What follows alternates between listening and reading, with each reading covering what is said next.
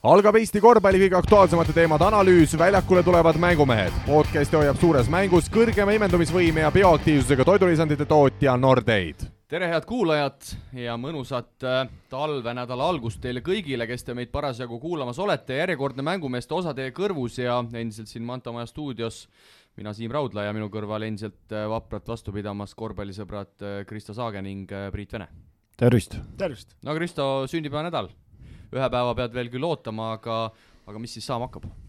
no saan vanemaks ja kogenumaks, et äh, ei jõua ära oodata, millal saaks palli jälle kätte võtta ja neid noori loputama hakata, et äh, loodame, et see esiliiga ikkagi millegagi lahti läheb, et äh, hetkevorm on natukene kõikuv, aga, aga küll jaksab selle üles tõdeda. no kolmkümmend kuus äh, ei ole enam naljaasi vist? no siin ikkagi, ma ei tea, Luis Colad ja Delfino panevad Itaalias veel, et äh, ma arvan, et ma võiks veel Pahvis ka panna, et kui see nüüd esiliiga lahti ei lähe, siis peab vist minema Pahvi tagasi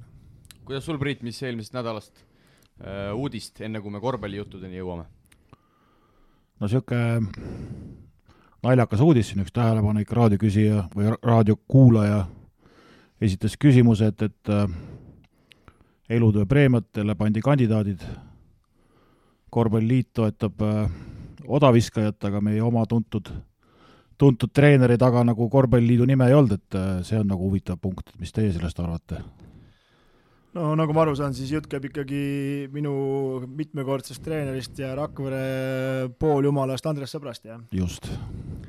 ja keda Korvpalliliit siis toetas? korvpalliliit toetab Heino Puustet. mis aastal korvpalliga tegev oli? vot ei ole, ei ole kokku puutunud, ei oska öelda sulle kurat, ega see viha ikka võib olla päris julm ikkagi, võiks öelda, et eks Andres on kõvasti materdanud, et isegi elutööpreemiat tahate anda, et ei, ei ei taheta toetada. ei taha toetada jah, et äh, aga no loodame tegelikult, kui nüüd tõsiselt rääkida, siis ju Andres on nagu ta on, aga ma arvan, et on Eesti korvpallile päris palju andnud, selles mõttes, et särtsu ja sädet siin oma Rakvere aegadelgi, et see lõpp, et ta nii läks, et ikka juhtub tööõnnetus no kindlasti peab ju natukene puid ka alla panema, muidu kui see seisev vesi kogu aeg on, siis ei juhtugi midagi, et, et konkurents viib ikkagi edasi ja et nüüd, kui juba siin ütleme kaks-kolm aastat, rohkem ei, kolm aastat pole Andrest olnud, et siis kuidagi hakkab see asi ära vajuma siin, et mingi suvaline materdamine käib siin ja nagu Andres, Andresele ütleb, et siis Pärnu maffia ühes otsas ja ja siis ülejäänud mafioosnikud mujal, et, et mingit särtsu pole, jah. ja Andrese siis nomineeris äh, Viru-Nigula vallavalitsus, nagu ma uudisest välja, välja lugesin, ehk siis äh, seesama piirkond, kus, äh, kus Andres oma, oma väikeste huntidega siis igapäevaselt nähtavasti toimetab jaa, et äh, seal teeb jah, et seal tegelikult see spordihoone ka natuke kõpitseti, et see on niisugune vana angaar seal, et äh, nüüd on see juba tipp-topp ja noh, ütleme siis äh, nüüd on Viru-Nigula vald, vanasti oli Kunda, et nüüd on see kõik üks suur, et see Aserigi läheb sinna alla. no nii, aga tuleme kossujuttude juurde ja nagu ikka siis tavaks saanud, traditsiooniliselt alustame Eesti-Läti ühisliiga juttudega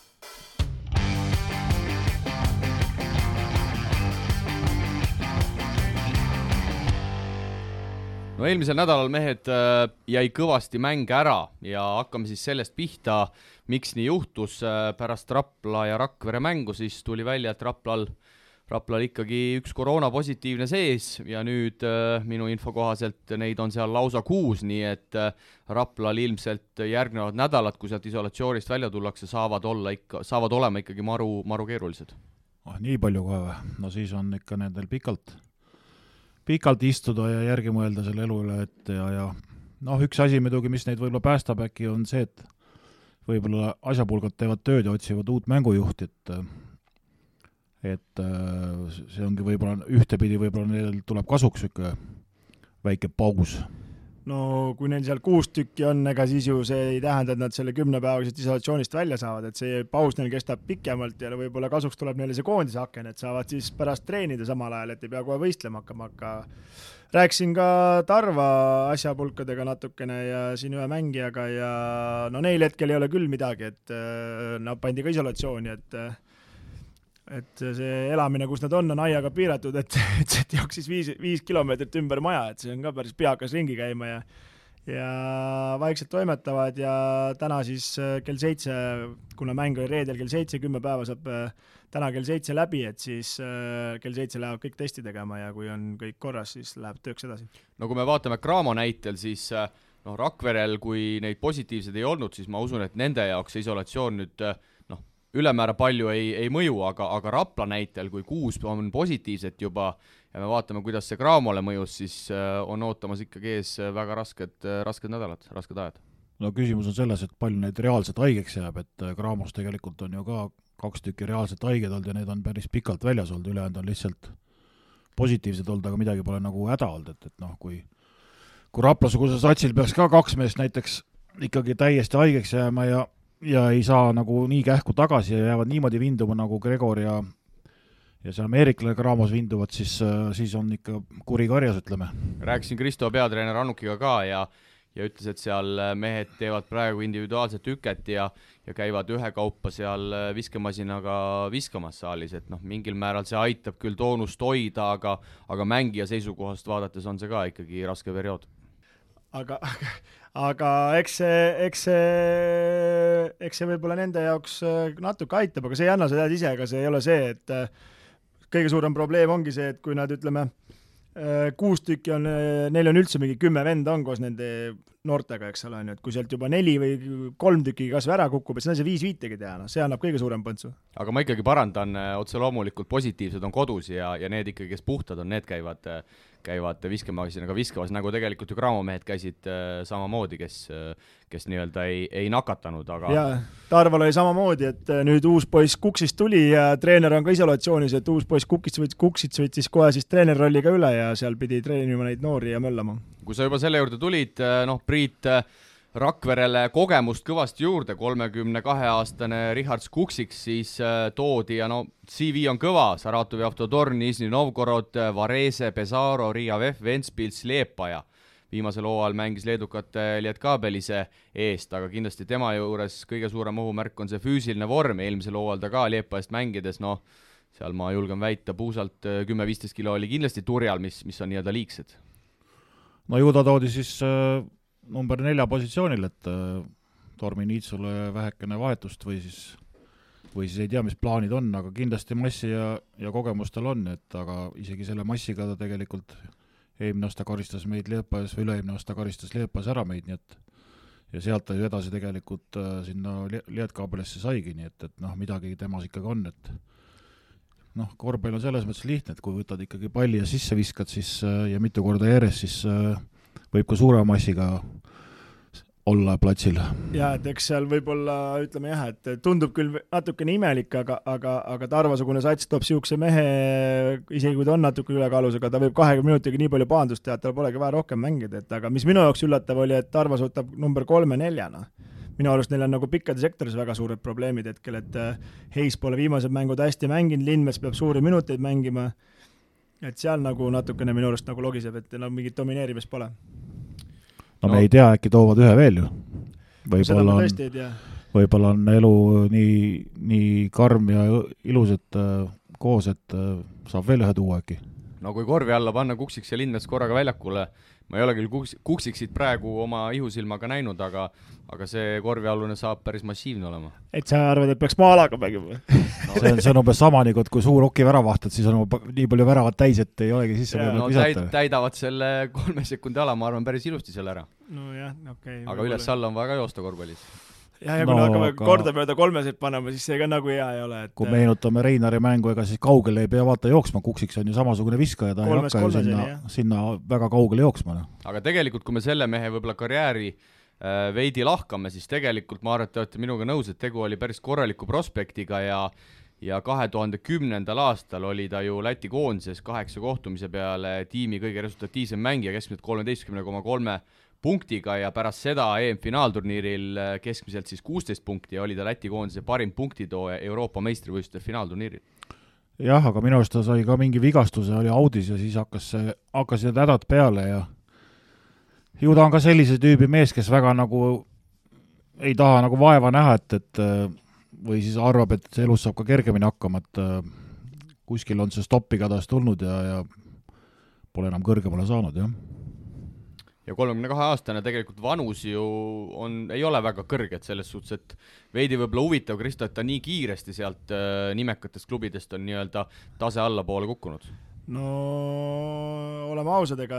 kui sa ikkagi endaga vaeva ei taha näha, omal näitel ka, et minu kõrval ta muidugi poisike, et ma ju kolmkümmend kuus homme juba, et on ju, aga, aga, aga ega seal ju jääd jalgu, et äh, minu arust äh, nii, korvpall on nii palju füüsilisemaks ja kiireks ja jõulisemaks läinud, et kui sa endaga vaeva ei näe, siis lihtsalt jääd jalgu, noh. ja võtame siit ühe liikumise veel, no William Reimann sai siis Göttingenist äh, kinga piltlikult öeldes, kuhu ta Tartust läks, siin spekuleeriti, et äh, on teda pakutud ka Tartu meeskonnale tagasi, aga vaat kus lops äh, hoopis Ventspilsis leidis mängukoha, no ma arvan, et Läti meeskonnale, Läti sadamalinna meeskonnale väga, väga korralik täiendus no kindlasti, kui, kui ta mängib äh, selliseid mänge, nagu ta Tartus mängis, et paraku tuli välja, et Saksamaal ta hakkama ei saanud ikkagi reaalselt. et, et noh, eks siis nüüd huvitav on jälgida ja loodame ikka kevadel saab, saab mõned vastasseisud ikkagi lätlastega ka teha, et me küll siin kogu aeg muudkui räägime ja loodame, aga tegelikult paistab, et elu läheb ikka uperkuuti. Ja et äh, ma arvan, et see Lätti minek oli nagu suht-, suhteliselt turvaline, et see on tegelikult ju, nagu me juba oleme seda Eesti-Läti liigat mänginud, et see on enam-vähem üks ja sama pilt, et ega seal Lätis midagi paremat pole võib-olla niisugune keskmine tase on vähe kõrgem kui meil, aga üldiselt on samasugune puterdamine ja noh, Ventspilsil jõudu vaja, et siin viimased mängud neil ka pole hästi käinud, käsi. aga siin ikkagi on spekuleeritud kuluaaride taga, et kolm võistkonda Eestist ja kolm võistkonda Lätist ikkagi selle turniiri vast kevadel peavad ära ja loodetavasti peavad selle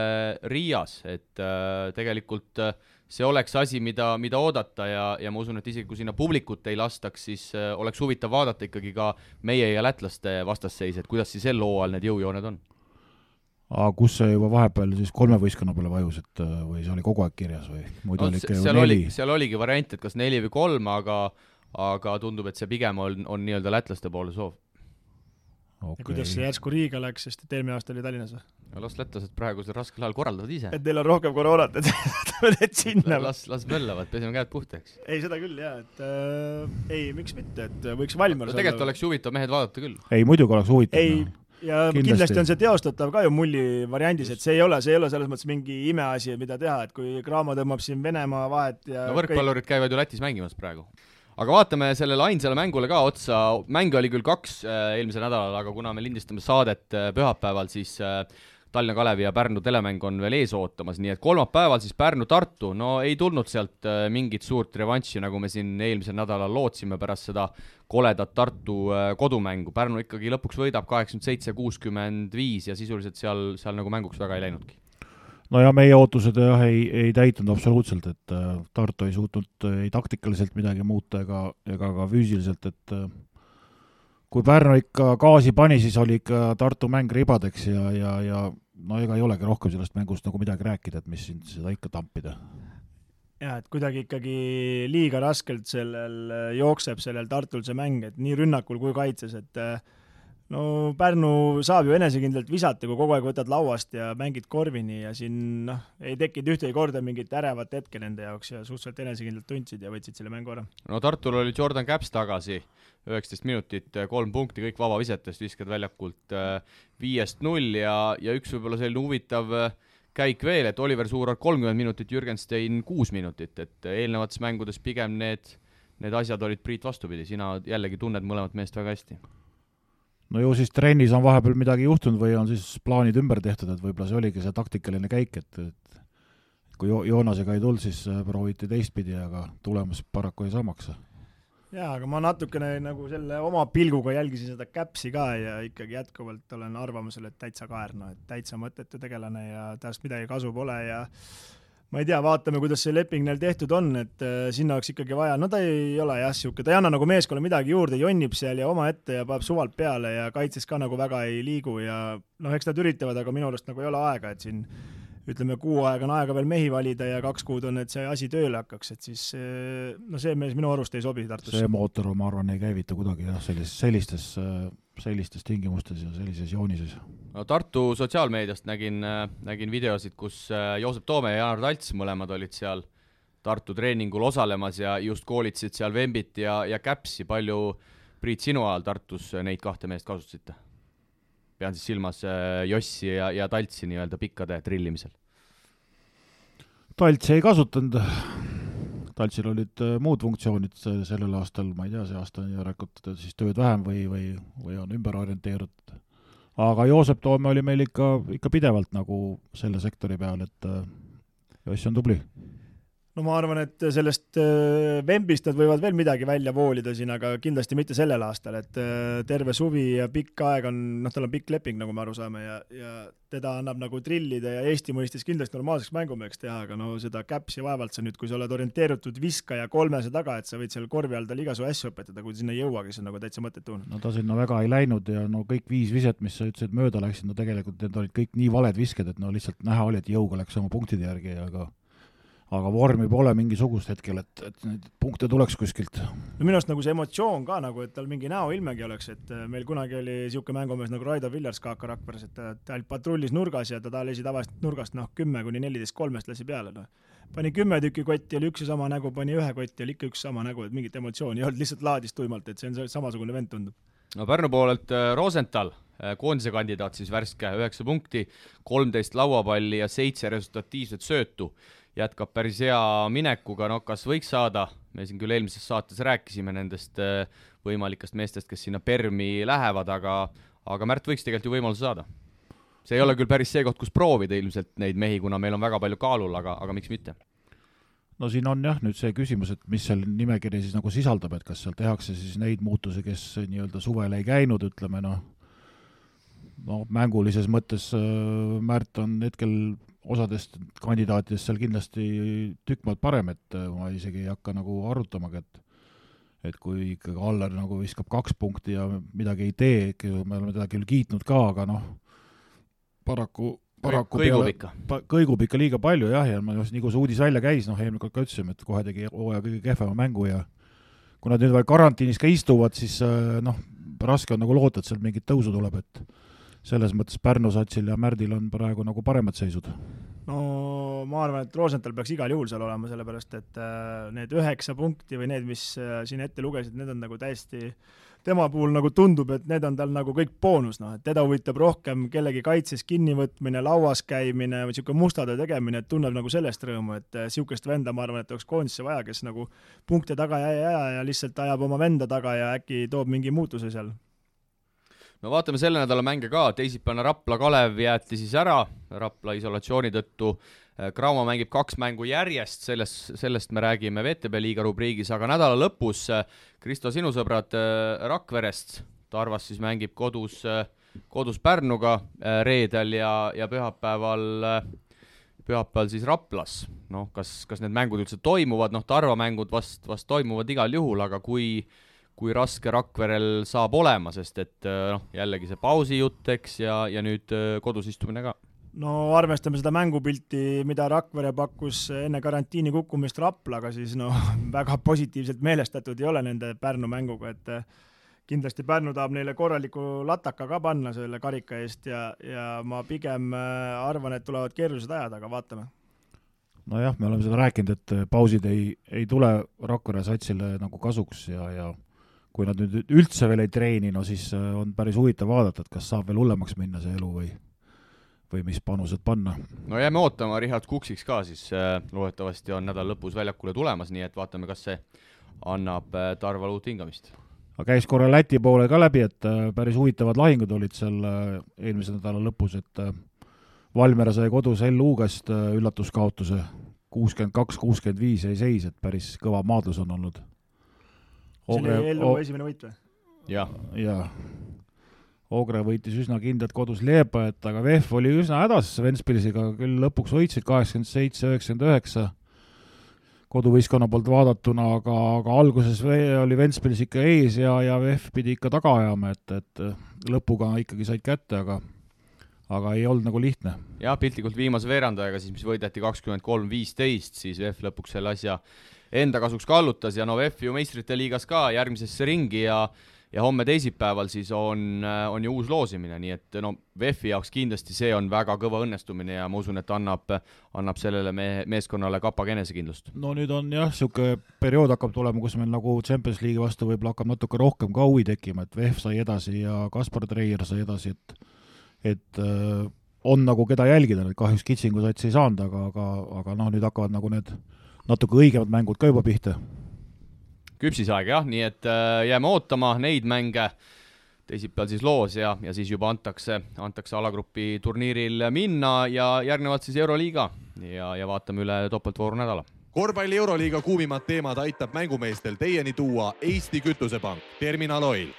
kõvasti Euroliiga korvpalli ja Euroliiga aitab meile tuua siis endiselt Eesti Kütusepank, Terminal Oil. Ja teisipäevast siis mängud mehed hakkasid pihta ja kõigepealt võib-olla peatuks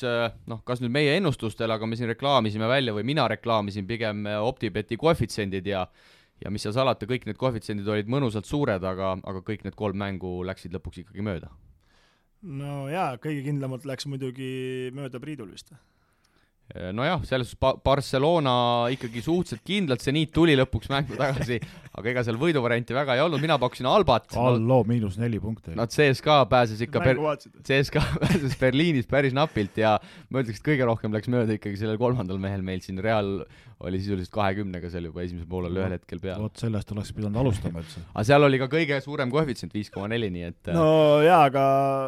no ütleme nii, et äh, Nedovits pole veel uue treeneri antud rolliga nagu harjunud, et uh, uus treener on andnud Nedovitsile kindla suunituse, et sa võid olla Aleksei Sved, et la-, laks ainult peale ja pane, aga vend ei pane ära, noh. aga teise mängu tassis ära, et uh, kellega neil teine mäng oligi, võitsid kindlalt seal, Asveliga vist oli. ja panid ikka kindlalt ära, et aga jah, ütleme nii, et no oleks teadnud, et Mike Jamesi pole, siis oleks ise ka CSKA-d pakkunud, et no seal ikkagi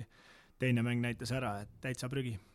aga hakkame siit teisipäevast äh, pihta ja, ja vaatame, mis siin äh, mõnusalt silma jäi, no Barcelona seniit oli, oli väga mõnus mäng, äh, ise jälgisin otsast lõpuni pingsalt, kuna teadsin, et kaks kõva kaitsesatsi omavahel vastakuti lähevad, aga olgem ausad, Barcelona sel hooajal, kui vaja on olnud, kui on ikkagi õiged vastased vastus, vastas, siis no nad näitavad ikkagi, mis puust nad tehtud on.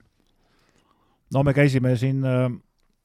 seniidimängu kommenteerimas ja, ja vaatasime neid kehasid ja seda massi, ütleme, võrreldes Craamoga, siis kui me nüüd võrdleme tegelikult ikkagi Barcelonat ja seniiti, siis ma ütleks, et seal on nagu see raamid on ikkagi igas liinis natuke suuremad ja, ja ka võib-olla mehed on, eriti näiteks Galatase näol, on ikkagi nagu,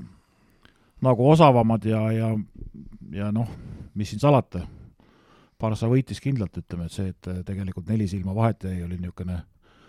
lõpus võib-olla agoonia või lasti käest ära, aga tegelikult ju domineeris ju Barca nagu algusest peale seda asja. jaa, et äh, Barca domineeris seda algusest peale ja see lõpuvärk oli ikka pull, et äh, seniit oli mingi kaksteist maas äkki või kümme, kümne juures ja mingi minut oli lõpuni ja siis treener ütles, et äh, esimene mäng jäi neli vahet, püüame nelja peale mängida, et omavahelise mänguna ja siis läks seal ilgelt lammutamiseks ja viimase sekundi kolmesega jäigi see siis neli, aga aga Barcelona ikkagi, see masinavärk ikka toimib äh, päris hästi selle Mirotitši ja Davisega, et pole midagi öelda, et äh, aga mind nagu kõige huvitavam on see, et see Barcelonal on nagu see, nii sügav on see võistkond nagu, et äh, nüüd nii kui Mirotitš ja Davis tagasi, Martines pingil, Pustavoi ei saanud minutitki, siis lätlane see Smits midagi sai, aga mitte eriti, et ja mis oli huvitav, et Vestermann ka nagu ei saa peale, et äh, esimese vahetuseni tuli mängujuhile hanga ikkagi, et äh, natuke nagu huvitavaid äh, fakte. aga mulle ikkagi tundub, et noh, kui Barca tahab, siis nad ikkagi sõidavad kõigist üle, et olümpiaakosega see teine mäng oli ju samamoodi, no oli näha, et nad väga nagu ei viitsi, lõpus läks nugade peale ka, aga lõpuks ikkagi kogemuse pealt ma ütleks jälle see lõpp võeti ära. jah, no Barca, noh, osad mehed ei saanud mängida küll, aga kindlasti kohe järgmine vastane tuleb jälle selline, kus need osad mehed saavad ja, ja niimoodi seda võistkonda nagu üleval hoitakse ja selles mõttes on päris hästi. sest tegelikult selle nädala mängud olid ju, eriti see seniidi mäng oli nende jaoks väga tähtis, et seniit oli üsna lähedal ju ja et ei tuleks mingisugust võrdset seisu, siis võeti kokku ja pandi korralikult äh, ikkagi see mäng käima. ja, ja noh jah, kui nad suudavad nii, neid kõiki mehi nagu rotatsioonis hoida, siis kevadeks on see pilt äh, ikka väga-väga korralik, ütleme. ja no Corey Higins on ikkagi päris äh, kõva töömees, peaks ütlema, et äh, kui ta seal kohe mängu alguses sealt ülevalt alla kiiresti vajutas, et päris heas füüsilises vormis on ka, et ikka kõvasti vist tehakse trenni seal Barcelonas, et seal üldse kutid nagu näevad, nagu tunduvad heas vormis ja ja suudavad ja jaksavad, eks Jassikevitš muidugi väga rahul ei ole alati, aga, aga, aga noh, töötavad edasi ja tiimitunne nagu hea tundub. ma ei tea, kas te seda olümpiaakse mängu nägite, aga aga ausalt öeldes seal osad Partsokase otsused olid ka nagu minu jaoks väga küsitavad, et McKissick minu meelest mängis väga hästi, kaheksateist silma seal mingi kuueteist minutiga ja lõpus ikkagi, kui ma siin olen rääkinud, et okei okay,, et võib-olla Spanulis on nüüd number kaks, siis noh, lõpuks ta ikkagi täristas seal väljakul selle palliga, tegi muidugi punkte ka, selle vastu ei saa, aga noh, näha, et kaitses ikkagi igale poole katetesse jääb kinni ja jäi ta seal Mirotitsiga ja noh, seal oli ikkagi õnne, et tema pealt seal rohkem miinust ei tulnud. nojah, ega kõik see, mis sa ütled, on õige, et ega me ju ei tea, mida see treener seal jälle ja lõpuks või, saadeti Partsokas minema ka jah, et võib-olla oleks varem minema saadetud, oleks võib-olla pilt parem olnud. ja kusjuures saadeti minema, abitreener tõi kohe McKissiku väljakule, aga sellest no. ei, siis oli juba hilja natuke. ju siis oli mingi konflikt või, või mingi kasvatusteema jälle, et ei tea. et kohati juba nagu tundus, et, et Slovkas on see mees, kes seal põrgatab ja tekitab olukordi, aga aga viimases mängus mina, ütleme, olümpiaakose poolehoidjana, Kristo, pidin jälle pettuma aga mis Barcelona juures nagu äh, panin veel tähele, et äh, poolajal Jassikevitš ütles, et äh, oleme nagu valesid viskeid teinud ja asju, on ju. aga nad leiavad neid viskeid nagu päris hästi, et kui siin nüüd tuua kiire võrdlus CSKA-ga, kes mängis ilma Mike Jamesita Müncheni Bayerni vastu, et siis ikkagi täielik mudamaadlus, otsivad korvi alla, mäng on nii koos aga Barcelona jällegi kõik teavad, mida teevad ja Galatas paneb lõpuks Pikale või Mirotitsile palli kätte ja lihtsalt kaks punkti. aga huvitav uudis tuli Barcelona kohta eelmisel hoo, eelmisel nädalal ka ka selles osas, et eelmise hooaja kahjum kakskümmend kaheksa koma kaks miljonit ja see on siis kakskümmend kuus koma kaks protsenti suurem kui eelmisel hooajal ja ja läbi aegade suuruselt teine kahjum, no see vist ei ole kellelegi uudis, et see jalkasats tassib seda Kossu satsi seal. no nii see klubi on üles ehitatud, tegelikult on seal ju käsipall ja mis on tulnud minu arust üldse kõige rohkem Hispaania meistriks näiteks ja, ja ja, ja on seal veel mingid alad, et noh, suur klubi ja, ja üks kompenseerib siis järelikult teist, et et äh, tihti oli ju seda näha, et kui vutisats mängis, siis telekas näidati, kuidas Kossumehed on ka vutti vaatamas, et ju siis nad peavad midagi tagasi tegema, et et ja ka vutimehed käivad Kossu päris hästi vaatamas, kui lubatakse, et äh, selles mõttes nagu klubi elab oma elu ja ja, ja noh, ega see eelarve võib-olla ongi selline, et välja on käidud mingi üks number, aga, aga nad, reaalselt nad ju teavad, et mängivad suurema eelarvega ja ja kui me nüüd ikkagi vaatame tänast turniiritabelit, siis kaks kangemat on ju ka kaks esimest, ütleme, ja kohe kohe nende sabas on ju Milan, kes on ka väga korralikke kulutusi teinud ja, ja ja, ja palun, et, et sellel hooajal ikkagi nagu päris suures mängus sees. no jaa, väike trivia sul äh, siin Messi leping Barcelonaga ilmus välja siin ajakirjandusse, et oskad öelda, palju nelja aasta palk oli bruto? vot sellest jalgpallist no,, jalgpallist midagi. ma ei tea midagi. no paku lihtsalt lampi midagi ei, ei, ma lampi ei paku, viissada viis, viissada viiskümmend viis miljonit, et sa arvad, et see kakskümmend, kakskümmend kaheksa, et see on, vahepeal jääb niisugune mulje nagu, et äh, davai, Kossumehed, tehke ka midagi. Messi annab ühe päeva raha ära ja yeah, et on... tehke ka Kossumehed midagi, et pole hullu. Pustovoi saab ka kuradi platsile, et pole häda midagi. Äh, noh, nagu see Jassikevitš hooaja alguses ütles ka, et äh, ta pole harjunud sellega, et kedagi ei huvita Barcelonas, mida nad teevad, et Žalgiris kogu aeg küsiti, miks sa nii, miks sa naa, mis te teete, on ju, noh, et ajakirjandus käis ligi, et seal on nagu täitsa suva, et kedagi ei huvita ka see, mis nad teevad, et võib-olla korra kuus võib-olla keegi küsib, et kuidas teil läheb, aga, aga üldiselt toimetavad omaette. ära karda, kui hakkab kehvasti minema, siis kohe küsitakse, et mis toimub, et äh, las, las see Saara seal harjub natuke yeah kuule, aga lähme turniiritabeli number kahe juurde ja on põhjust ka rääkida. Mike James siis kõrvaldati meeskonnast intsidendi tõttu pärast Fenerbahce mängu koduväljakul ja seal olevat siis mehel olnud soov minna vanaisa matustele, see olevat seal ka asjasse segatud olevat ja aga nüüd äh, ütleme nii, siin paar päeva läks aega ja mees siin meedias vabandas ametlikult ja, ja Vatutin ütles, et äh, ikkagi jätkatakse Jamesiga, et äh, sealt, kus parajasti tuul puhub. no ega me ei saa jälle üle ümber nendest numbritest ja selle ja numbrite taga on raha sõna, et et ikkagi ilmselt liiga kallis et liiga selle, kallis selle on lahti lasta, ega hetkel ei ole nagu väga kedagi asemele ka võtta, aga no Vene meedias muidugi nüüd äh, tänu sellele käigule kohe ristiti ära, et, et see jääb Ituudise viimaseks soojaks CSKA-s, et et uh, huvitav nüüd jälgida, et mis siis saab. aga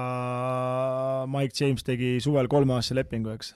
no, no just. ja, ja kui sa nüüd lahti lased, ühtegi venda enam Euroliigas juurde võtta ei saa ju. no olgem ausad, seal Vatutini selles kommentaaris, no ridade vahelt ju sai aru ka, et, et noh, umbes, et meil ei ole praegu varianti ja üritame ikkagi leida koostööd ja selline ei, no, kõva jah. mull, aga aga jah, ma arvan, et seal see raha taga on, mis seal ei no eks ta raha taga ole ja teine asi on see, et kui sa selle nädala topeltvooru vaatasid, nad mängisid Alba ja Bayerniga ja no täielik mudamaadlus. CSKA kuuskümmend kuus punkti, need vennad ei tassi välja lihtsalt no ma arvan, et seal selles suhtes ma arvan, et seal on Kristo natuke asi ka selles, et nad ei ole harjunudki teistmoodi mängima, ma arvan, et antakse neile natukene Ei, no- aega, ma ei ütle, et nad Euroliiga ära võidavad, aga kui sa oled harjunud aastast aastasse läbi Mike Jamesi mängima, siis sa järgmisel päeval, kui teda ei ole, siis sul ongi keeruline jaa, mängida. aga kui sa vaatad äh, mängijate, tagamängijate näiteks äh, oskusi, mis nad teha oskavad, no, Hackett- kes hakkab Hackett mängima? on väga okei okay mängu. kes hakkab üks-ühte mängima, Hackett ei hakka mängima üks-ühte. tal ei ole niisugust kiirust, ta võib piker rollis midagi korraldada, aga tal ei ole niisugust kiirust, no Mike James tõmbas selle mängu nii laiali, teised saavad normaalsed visked, et äh, Bayerni mäng oli täpselt nii, et nad juhtisid kuuskümmend kaks, viiskümmend kaks ja kuuskümmend üheksa, kuuskümmend kuus said tappa ja kuuskümmend kaks, viiskümmend kaks lägid sellepärast ette, et Darren Hillard pani kaks korda üle käe raske viske sisse ja pärast ei leidnud enam kohti, no ja arvestades seda, et nüüd Milutinov on ka väljas, seda enam on vaja Mike Jamesi kiirust, okei okay,, ta vajab mingi lolle viskeid ka, onju, aga ta tekitab nagu nii palju teistele vabasi momente, et teda peab mingil hetkel kahe mehega võtma. ei, selles suhtes kindlasti, et äh, aga ma ütlen veel kord, see mäng on Jamesi ümber ehitatud, see koosseis on Jamesi ümber ehitatud, aga sellega ma kindlasti nõus ei ole, et Strelneksid ja Hackettid ja Clyburnid ei suuda seal üks-üks mängida, ei suuda pikerolli mängida, ei suuda seda võistkonda vedada, et sellega ma, sellega ma ei nõustu, aga, aga Priit, oleks huvitav nüüd kuulata sinu mõtteid. No selles mõttes on sul õigus, et äh, sel-, selle aasta projekt oli jah, kui ikkagi temaga tehti kolme aasta leping, et siis äh, kindlasti on tema seal A ja O ja ja paraku on ka sul selles õigus, et kui teda platsil ei ole, siis äh, tihtipeale on niisugune olukord, kus keegi ei teagi, mis selle palliga nagu peale hakata ja ja juhtus selline moment, kus Hackett oli siin paar mängu väljas, Strelneks tegi küll tublid mängud, aga, aga, aga, aga no mingi särts jääb nagu puudu ja niisugust otsustust ei ole ja, ja võib-olla vahest isegi need lollid visked tuleb nagu sellel CSKA-le kasuks, sellepärast et lauas on ju tegelikult ju võimu on, noh, et kui me mõtleme siin Milutinovi numbrite peale, mis me siin hiljaaegu just rääkisime, ründelauad ja, ja rekordid igasugused, et siis äh, siis noh, on, on ka Milutinov selle jaoks võetud, et, et kui Maik teeb lolli viske ja see mööda läheb, siis keegi korjab selle ära, ütleme noh. et, et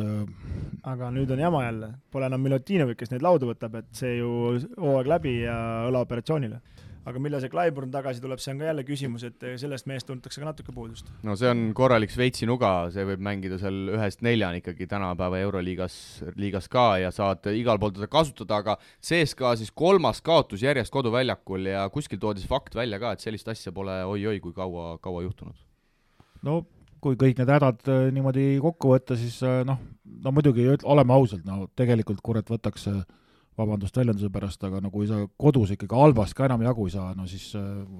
Bayern. või tähendab Bayernit, ütleme, et ja Bayernil ju ka kõvasti mehi puudu ja tegelikult mängisid Alba käest nad said ju ka tappa. kodus, jah. noh, noh, et ma just tahtsin seda öelda, et, et kui sa Alba-suguse sotsi käest juba saad sisse ja siis veel nende hädadega koos saad veel teiste sakslaste käest ka sisse, et noh, siis on juba selles mõttes midagi valesti, et ma saan aru, kui sa oleks Barca käest või ma ei tea, kellegi tõsise käest nagu sisse saad, et siis oleks nagu olnud, aga noh, muidugi saadi ka, saadi ka ju Venerbatši käest, nii et ega ei olegi võib-olla midagi öelda. tal ongi kodus Partsa, Venerbatši ja nüüd siis Müncheni Bayern kolm järjestikust kaotust, aga aga jah, see kuidagi see minu arust see Müncheni rong ka nagu ei sõida enam nii ägedalt, kui ta siin vahepeal sõitis, et seda Saksa kvaliteeti natuke nagu napib, aga ikkagi ise nad kõik kiitsid pärast, et hoidsid mänguplaanis kinni ja see tõi edu, aga minu arust seal midagi väga ilusat ei olnud, et no Bayernil on ka tegelikult paar olulist meest on ikkagi audis, et siin enne, enne, enne mängu olid ülevaated või eelvaated nii-öelda ja, ja toon, toodi need asjad nagu välja ja ja, ja kui need tagasi saavad, siis võib-olla nad ikkagi hoiavad sellest play-off'i kohast kinni, et, et vahepeal oli küll tunne, et vajuvad kaheksast välja, aga tegelikult selle, selle viimase võiduga jälle tõstsid oma aktsiaid kõvasti tuleme Fenerbahce juurde, üle pika-pika aja on Türgi meeskond äh, tagasi kaheksa seas äh,, kolmteist võitu, kümme kaotust ja pärast siis äh, Mahmatoglu seda ristnurgalööki seal Žalgirise saalis on võetud kaheksa võitu järjest. ja Nando De Colo siis on head mängu näitamas mees jõudis eelmisel nädalal kolme tuhande punktini seitsmenda mängijana Euroliigas, oskate mehed nimetada need kuus eelnevat? paneme siin natuke ajugümnastikat ka see mitme tuhandeni? kolme tuhande punktini seitsmenda mehena ja kõige varem, kusjuures kõige vähemate mängudega ta sinna jõudis. Spanulis, Jankunas äh.... kui sul raskeks läheb, siis Priit aitab välja äh,. siis on see, see papa, mis ta nüüd oli, see Müürsepaga mängis koos, see tagumine pikk kreeklane. see pikk kreeklane. Papa Lukas ei olnud. jaa, Papa Lukas ei olnud, jah. okei okay., no ütle ka vahepeal mõni, ma olen juba kaks öelnud, kolm või? Sa oled kaks öelnud. no Mike James, Spanulis ja Jankunas ütles. Mike James on ka või? ei ole, ei ole jõudnud või? arvesta ikka nii, et need mehed peavad päris palju mänginud olema seal liigas. oh, Printesis. absoluutselt õige. aita ka natuke kaasa siis. kolm veel, kolm hispaanlast. ahah, no siis on ju lihtne. Lull, Lull, siis on see Jonnipunn Fernandes, ei, siis on see Reyes, Reyes on. Ja esikoht on puudu, kes kõige esimesena Navarro. koht- Navarro, jah, absoluutselt, nii et nii et need kuus meest siis ja Ti- nüüd tippu tuleb teada. ja need, need nüüd siis äh, said seitsmenda Decologa ja nagu öeldud, Decolol kulus kõige vähem mänge, et sinna, sinna täiseni jõuda, aga sellest mitte ei tahtnud rääkida, vaid tahtsin rääkida Fenerbahce heast minekust ja ja noh, sel nädalal taas ikkagi päris äh, kindlalt äh, tehti omad jutud ära, no Imkiga, Imkiga raskusi muidugi, muidugi ei olnud, aga Maccabi võit kodus oli, oli päris muljetavaldav. No me oleme seda teemat arutanud ja ikkagi tegelikult ütleme ausalt, et äh, Kudurist tuli tagasi ja mängupilt muutus, midagi ei ole siin nagu, nagu salata, et äh, ikkagi, kui sul on ikkagi valus viskaja seisab ikka eemal, siis teistel hakkab kohe rohkem ruumi tekkima ja ja, ja, ja no nad on jällegi käima saanud ennast ja, ja nagu siin ka korra sai mainitud, et tabel hakkab siin nüüd ikkagi selliseks minema, et türklased tahavad vägisi sinna kaheksa hulka saada, mõlemad ja, ja nüüd on küsimus selles, et Bayern, Zenit, Žalgiris, kes nendest siis nüüd ära vajub, et, et üks, üks peab, ma arvan, lõivu maksma, et türklased lõpu, lõppu panevad sinna ikka kõvasti, sellepärast et asja nimi on ikkagi Turkish Airline Euroliiga ja, ja, ja ja nemad on selles ürituses ikkagi korralikult sees ja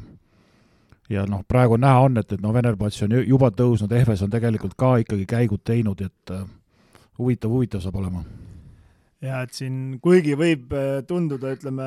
kui sa seda mängu ei jaga eriti, et äh, vaatad seal, et ega see Kudurits ju nagu midagi ei teegi eriti, et võtab seal viis viset ja kuus viset, aga need on nii valusal ja raskel hetkel ta nagu toidab ja no Decolo on muidugi, ütleme see kolmik praegast ikka paneb päris võimsalt, Veseli, Decolo ja Kudurits, et äh,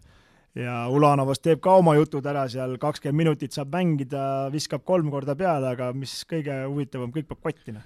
kui sa Veseli juurde tulid, siis jah, kõigis kaheksa mängus äh, kaksik äh, nii-öelda numberpunkte ja, ja on siin äh, tõusnud nii-öelda selle MVP reisil ka top viid, et siin uuel nädalal tuli see, tuli see välja, et kes seal viie hulgas on, kes võiksid saada, no James on millegipärast endiselt seal esimene, Mirotic teine, Tavares kolmas, Grigonis neljas ja ja Veseli siis tuli tabelisse esmakordselt äh, viiendana ja Veseli kaheste protsent sel hooajal kuuskümmend kolm ja, ja no temal on ka ikkagi väga oluline roll, nagu sa, Kristo, ütlesid, olnud. Et tegelikult äh, päris tabav äh, Priit, et see kolmik, see Decolo, Kuduric, see Vesel, et üks tagumine, üks niisugune kolme peal ja, ja üks korvialune, et see, see trio toimib praegu väga hästi. see trio toimib hästi ja no ikkagi ei saa alahinnata Ulanovuse panust, et ta on selline mängija, kes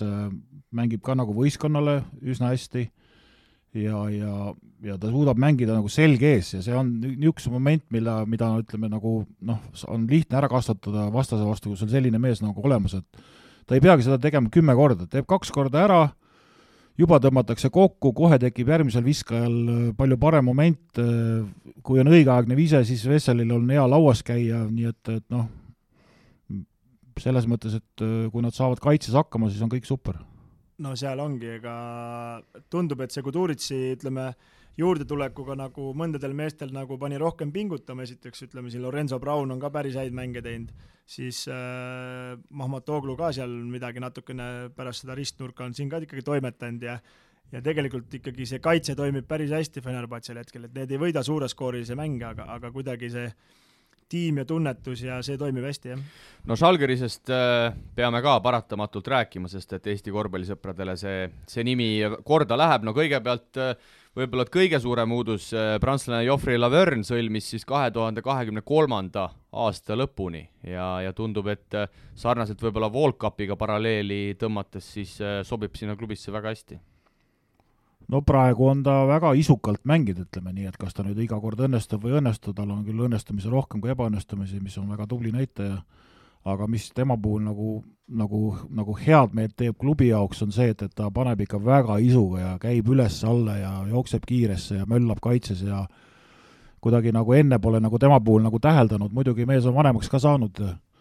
võib-olla targemaks saanud, sest kunagi ma mäletan, Kurdi Knightis saatis ta Imkist minema, ütles, et, et need mehed, kes mängu ei jaganud, lähevad NBA-sse, noh et et oli selline väljend, kui kui Laverne läks NBA-sse, et siis äh, need omavahel kuidagi ei klappinud, aga praegu tundub, et äh, et kuidagi asi nagu klapib hästi. Salgese juurde veel tagasi tulles, et äh, eelmine nädal oli ka uudis, et kaks, kaks kadunud meest hakkavad vaikselt tagasi tulema. üks pole ühtegi mängu teinud ja teine oli siis Kristo sõber. kui sa selle nime välja ütled, siis saame kõik teada, kes see mees on. ütle nüüd õigesti. Steve. Steve aa, Vehturia. Vehturia, jah. ja Patricio Carino siis. ja Patricio Carina ka juba olid võistkonnaga kaasas ja näitas pilte, kus äh, tegi veel seal individuaalseid ettevalmistusi, aga loodetakse, et, et, et nüüd uuel nädalal, uuel nädalal äkki teevad juba, teeb Carino debüüdi ja peaks ka hakkama see Vehturia siis, või nii ütleme, see õige nimega Asturia peaks hakkama tagasi tulema. ai, see läheb rütmi sassi, ma kardan. ütleme, viimane nädal oli ikkagi Salgese rütm väga sassis endalgi, et äh, joppamist oli kõvasti, et äh, ütleme, et annad mängu ära ja siis äh, sinu Valencia suutis veel, ütleme, Grigonis suutis sealt äh, nagu sinu jutu järgi jooksuga selle, joosta selle kodu, kodujooksu, on ju, et aga aga no ikkagi täiesti ebaõnnestunud nädal ja no Baskonia käis ikka nii üle, et äh, see oli tegelikult lust vaadata, kuidas Baskonia kuradi loputas seda Salgerist, et äh, Baskonia millegipärast on niisugune sats, et kui nad nagu saavad käima ja jooksma, siis äh, ja kõik nagu, kõik laabub nagu, mis tundub, et treener ütleb ja kodutöö on hästi tehtud, siis siis nad ikkagi mängivad väga nauditavat korvpalli. ja tõesti, Žalgirisel on siin õnne olnud, peab nõustuma olgugi et õnn tavaliselt soosib tugevaid, aga jah, see Slowkase tehtud äh, vaheltlõige, noh, nii palju, kui siin kohtunikega on räägitud, see pigem ikkagi oli veavääriline ja ja Kristose Grigonise võiduvise ka. kui sa korvpallireegleid jagad, siis ikkagi sa saad ka aru, et see, see oli jooks, sest et korvpallis ühe jala peal kahte sammu tänasel päeval teha ei ei tohi no ma ei oska selle kohta midagi öelda, ma ei suudagi ühe jala peal kahte sammu teha eriti, eriti sellise pöörde peal. enne, enne vajub põlv läbi kuskilt, et aga, aga ju siis ta tegi nii hästi, et ükski kohtunik ei ole seda näinud. ma arvan ka, et, et siin jäädi, kõik jäidki imetlema seda pööret, sest sellist asja tegelikult ikkagi nagu ütleme, nagu tavamõistus või nagu ettevalmistus üldse ei, ei, ei, ei, ei, ei noh, ei näegi nagu ette, et, et keegi trennis sellist asja ei harjuta, et see peab kuskilt seestpoolt nagu tulema ja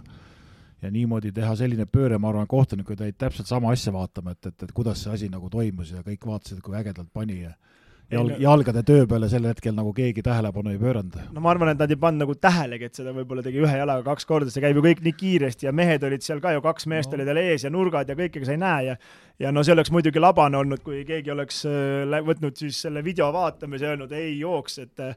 selles mõttes läks läbi, nüüd jälle vaatavad, jälle targemad, on ju, ja, ja aga no Valencia ise süüdi, noh, selles mõttes Valencia ise süüdi, kes muu. ja ma ütleks tegelikult niimoodi, et äh, seal oli vist neli minutit jäänud, kui Šal- äh,, Valencia, vabandust, sai neljanda võistkondliku vea ja no siis ei tulnud ühtegi vilet enam, seal oleks võinud Žalgirisele rahulikult vahepeal vabaviskeid anda, seal oli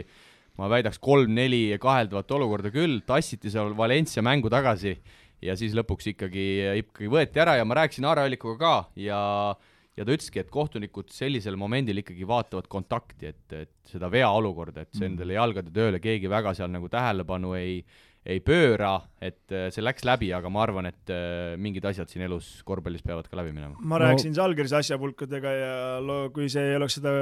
viset kotti helistasin Vehtuuriale ja rääkisime seal ja kui ta poleks seda viset kotti pannud Grigonis, siis oleks selle Lavrer, Lavrer, Laverni kuradi kolmeaastane leping oleks katki tõmmatud, need on no, debiilsuskuubis, mis see mees tegi, et pani korvi alt mööda, võttis laua, sa oled kolmega ees, oli, ei neljaga olid ees või? kolmega? jah, kolmega olid ees,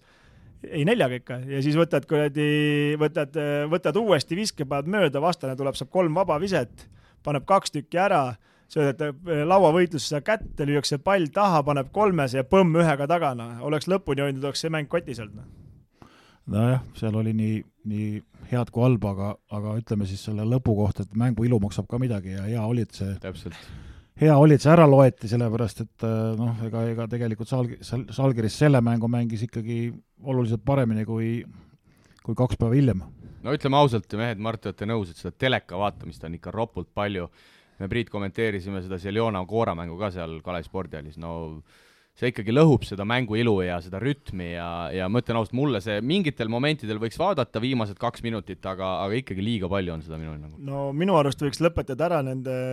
kui kohtunik näitab, et on kolmene, siis ei ole vaja pool tundi hiljem kuradi otsustada, et vaatame, kas oli kolmene või kahene, no kui sa ei tea, siis pane kaks või kolm, no keda huvitab ja ja teine asi on see, et nende kelladega on kuidagi kogu aeg mingi jama, no selle Euroliigas minu arust väga tihti käiakse seda kella kerimas, et kuidagi need on kogu aeg käest ära, noh no seal on need reeglid on tegelikult paika pandud, ega siin ei ole midagi nagu, nagu öelda ja, ja ja noh, ega me ju näeme ka neid momente, kus tegelikult äh, on õigus ju ikkagi sellel videol äh, ühtepidi ja teistpidi, et on, sealt ka tuleb head ja halba ja, ja ja noh, viimane mäng just võtame kas või näiteks selle, selle Rauno, ütleme seal Nurgeri Kristo lemmikmängija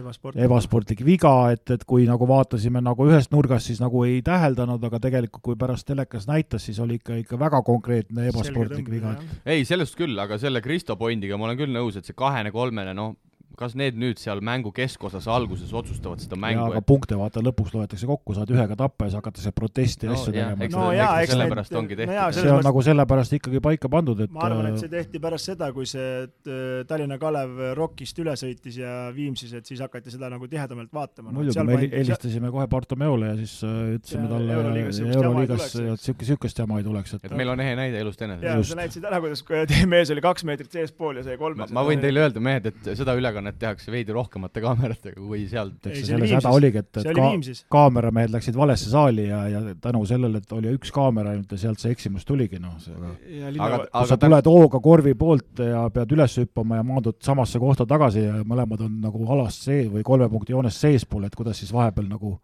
kolmene sai tekkida, et see on päris hea küsimus. no ei, see oli julm tegelikult, tuleme selle juurde tagasi, kuule ükski vend ei suuda Eesti liigas vabaviskejoonelt ja eurosteppi kuradi kolmese taha ja siis hüpata veel edasi ka veel, no kujuta sa ette nüüd. Noh. no see on ebareaalne. aga Kristo ei ole ei ole halba ilma heata, võib-olla Priitu meil siin sa-, stuudios hetkel ei oleks, kui seda juhtunud ei oleks. ei no seda, sellepärast ma ütlesin hästi, no see Priit on ise süüdi, ta ei pannud õigel ajal protesti sisse, lasi Kallel endast üle sõita ja ja ega võimu vastu ei saa, no selles mõttes on õigu kõik ja ja ega Tallinna Kalev vääris seda võitu rohkem, ma arvan. mis sa arvad? ei no nüüd me juba lä lähme, lähme valesse, valesse lii-. Lähme Euroliiga juurde tagasi ja käime korraks selle, selle Baskonia ja Salgese mängu lühidalt üle, et, et tegelikult selles mängus oli näha, kuidas Baskonia oli ikkagi väga korraliku kodutöö teinud ja, ja Salgese käigud ikka pandi nii kinni, et, et neil ei olnud mingisugust võimalust ja ja korra on siin enne saadetes maininud ka, et see Baskonia on selline koht, et kui lennuk maanduga hakkab, siis osad mehed vajuvad läbi ja, ja no, no ei tulnud Žalgirisse mitte midagi, võib-olla seal oligi see, et, et mõned mehed tähistasid seal oma uut lepingut ja lennurada oli ja, ja mõni, mõni mehel oli hea meel, et eelmises mängus lõpus sisse viskas, seal lennurada on lühike ja kõik niisugused asjad kokku, et, et kuidagi ei tulnud, aga no olgem ausad, Baskoonial oli väga vaja ka neli kaotust järjest ja, ja see rong ikkagi play-off'i silmas pidades äh, oli vaikselt äh, jaama ära minemas. no seal ikkagi ütleme, võib-olla isegi Žalgiris tegi Salgris tegi väikese, väikese karuteene, et alustas ju hästi, paik kohe kolm kolmest, no ja siis see patsiga poiss tõmbas ennast normaalselt käima seal, Fall sai kohe piki pead ja siis tuli see mm, itaallane nüüd, aita öelda see Carino Ka,. ei, Carino. Polonara. Polonara jah, see sai niimoodi, et see ei saanud enam pingilt püstigi, istus seal nukralt teisel poolel selle peale, et seal ikka läks korraks tulistamiseks kohe. aga nii palju, kui ma lugesin Ivanovitši äh, jutte ka peale mänge, siis ta ikkagi vihjas sellele, et et arvestades, et Baskonia mängib nii Euroliigat kui Hispaania liigat, mis on ju absoluutselt äh, kõvad liigad, et, et seal Henri kõrval ei ole kedagi panna, et see mees pumpab ikkagi nii palju minuteid mängust mängu ja ühel hetkel mingites mängudes tal lihtsalt ei ole energiat seda võistkonda vedada. no korra mainisime, et sellel aastal Baskonial on eelarve natuke väiksem ja, ja ju siis see üks mees jäi ostmata täpselt, keda nagu vaja oleks, et, et ülejäänud liinid on tegelikult üsna korralikult äh, mehitatud, et pole neil häda midagi ja kohati näitavad ka päris hästi mängu, aga nagu sa ütlesid jah, et, et kui selle Hendril kinni kiilub, siis on natuke raske neid asju nagu ümber korraldada. No seal on juba see pluss, see tähendab miinus ka siis, et kui Henril kinni kiilub ja Vildosa ikkagi sähvatab natuke liiga harva, ma arvan, et Salgrise mängus ta muidugi sähvatas jälle hästi pani mingi kolm või neli kolmes seal kohe latakas ära ja niisugused huvitavad ja rasked visked, et see peab ka hästi mängima, et sellel nagu mäng natuke liiga palju kõigub. ja Henri enda kahjuks, ma arvan, räägib mingil määral ka see, et ma ei tea, palju te olete tema tegemist jälginud, aga ta on väga kõva kaitsemängija ka tegelikult, et kuidas seal üle välja ikka äh, ameeriklase kohta vahepeal hakib, noh, see on ausalt öeldes äh, päris muljetavaldav, et need vahetlõigete numbrid on, on tal ka tegelikult äh, päris, päris tummised. jah, ei ole midagi öelda, et, et väga, väga korralik mängumees, et väga mitmekülgne just, et söödab, viskab, äh, kaitses rabeleb, et, et mida veel tahta. seal oli ju mingi hooaja algul oli mingi moment, kus ta hakkas ju võistkonnast ära minema, et, et mis siis, mis siis nagu siis oleks veel saanud, et, et noh, ja kuidagi leiti ikkagi mingi kokkulepe, et ta jäi nagu, et aga lähme edasi, võtame Reali ka läbi, et, et näed, meie kahtlustel ei ole veel, veel nagu õigustust tulnud, et, et Real kindlalt äh, kaks mängu võttis ära, kuidagi nad saavad sellest selle augu täidetud, mis seal taga, ütleme, on tekkinud, et, et kuidagi ikkagi imevad neid kuidagi võite välja. imevad ikkagi välja neid võite, jah. jah, seal aga Kärral sai muidugi nüüd äh, Alba vigastada. kodus kuuskümmend kolm punkti ainult, et noh, see näitab ka nagu ikkagi klassi Reali seitsmekümne kahe vastu. no seal oli jällegi ka ju, asjad olid suht purgis, seal oli mingi viisteist äkki vahe ja siis järsku oli kaks, noh. kodus äh, Panathinaikos kuuskümmend kuus, Reali seitsmekümne kuue vastu, et kaks sellist mängu, kus vastane pole, pole seitsekümmend silma täis saanud, et äh, päris, päris nagu aga selle juures ongi, kui sa nüüd vaatad, ma vaatasin selle Alba mängu otsast lõpuni ära ja, ja ka vastaste treener see ütles, et Garcia oli selle mehe nimi. Aito Garcia Renesses. jah, et tal muidugi päris hull inglise keel, hullem kui mul, aga, aga sain aru ja kommentaar tuli, et et mehed kardavad Tavarest, noh, ta on nii suur, et äh, korvi alla ei minda, et kui tagant ära ei pane, siis ongi nahkas ja Real suudab teda sinna, nii kui Tavares on väljakul, et kui sa vaatad Reali minuteid ka, siis Tavares ikkagi saab teistest rohkem, muidu pannakse ikka viisikute kaupa, paneb ta edasi, see pealik neil, aga, aga, aga, aga Tavares paneb siin ikkagi kolmekümmend minutit ja nii kaua kõik toimib, noh, ta on ikkagi päris hea hetkel no see on, ta on hea hetkel ja teine asi, et neil on ju pikkade osakonnas seal nagu halvasti, et ega seal pole ju väga kedagi nagu panna ka, et et äh, aga noh, mis, mis seal salata, praegu ta mängib ikka väga supermänge. nojah, seal võtta Tomkinsid ja Tekid ja siis äh, nelikümmend neli on seal neil see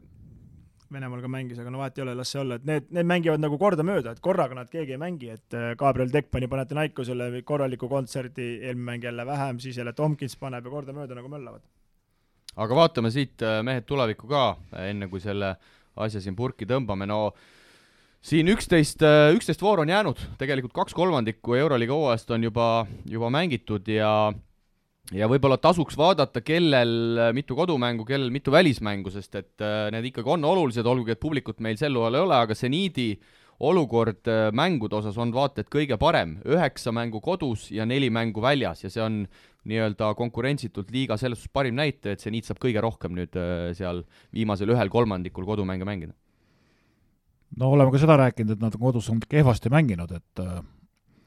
vaatame, kas nad nüüd suudavad seda teha, aga kindlasti annab see ikkagi väga suure eelise, et, et, et nii palju mänge, neil on üks mäng veel varus ka tegelikult, et ja sa ei pea reisima ka nii palju ikka? et ei pea reisima ja saad valmistuda ja, ja kõik ja noh, nendele seda, seda materjali nagu, kes seda ettevalmistust teevad, on päris korralikult, et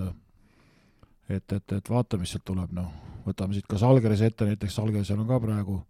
paistab siin, et on tulemas kuus kodumängu ja ja, ja neli välismängu, ei vabandust, viis, viis välismängu, et, et see ülekaal on ka nendel olemas ja viimased kodumängud on täpselt äh, Maccabi, Alba ja Panathinaikos. et äh,, et, et, et siis äh,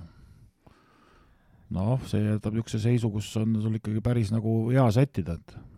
no keegi peab, noh, ma ütlen, et seal hakkame viiendast kohast Bayernist pihta, et, et ühed peavad vajuma, teised peavad tõusma, mina, mina ütleks, et türklased kindlasti tahavad tõusta. kes sealt vajub, ma tahaks küsida, ma vaatan praegu seda esikaheksat, no kes sealt vajub, Žalgiris võib-olla? no Žalgiris, Zenit või Bayern, no üks nendest ikkagi, ma arvan, et peab vajuma, sellepärast et türklased mehitavad ennast korralikult ära ja panevad gaasi juurde.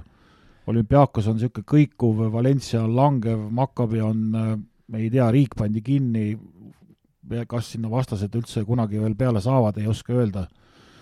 ja, ja nende mäng on ka üsna kõikuv, et, et noh, väga, väga, väga tõsine teema, aga laseme selle ühe vooru veel ära ja siis äkki võtame pikemalt selle prognoosid ette aga olümpiaakose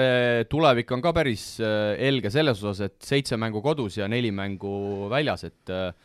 et äh, ka võib olla variante, aga noh, kui olümpiaakos niimoodi neid mänge ära annab, nagu siin on viimastel, viimasel ajal antud, siis, siis jällegi ei tule sealt midagi no olümpiaakuse puhul noh, nagu me rääkisime, et me ei, me, me ei tea, mis seal nagu toimub, et äh, väga närviline on see olukord, see on selge kui päev,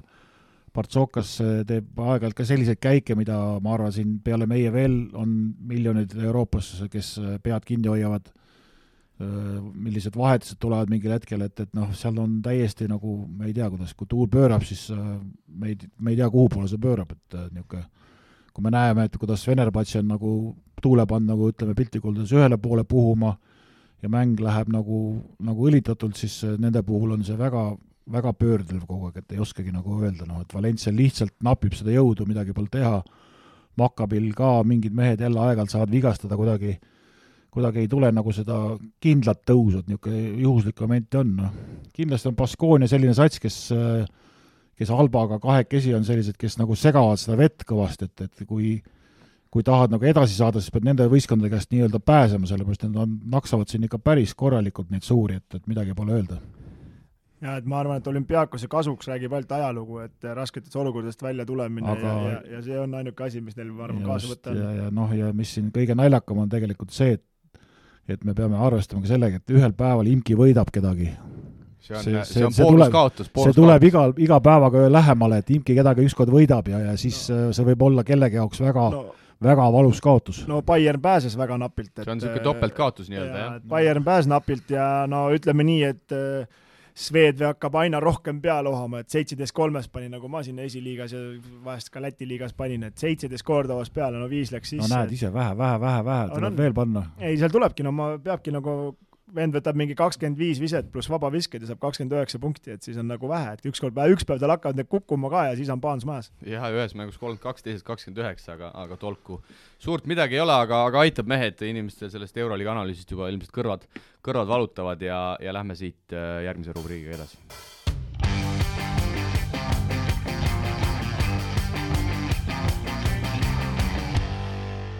no nii, järgmine, järgmine rubriik Eestlased välismaal ja, ja täna oleme saanud äh, eduka telefoniühenduse Itaaliasse, Sardiiniasse nimelt, kus siis äh, Sassaris ootab meid Kaspar äh, Treier, no tere, Kaspar, ilmselt ilmselt kui paluksime sul teha intervjuu meiega itaalia keeles, siis sellega ei oleks ka vist tänasel päeval enam probleeme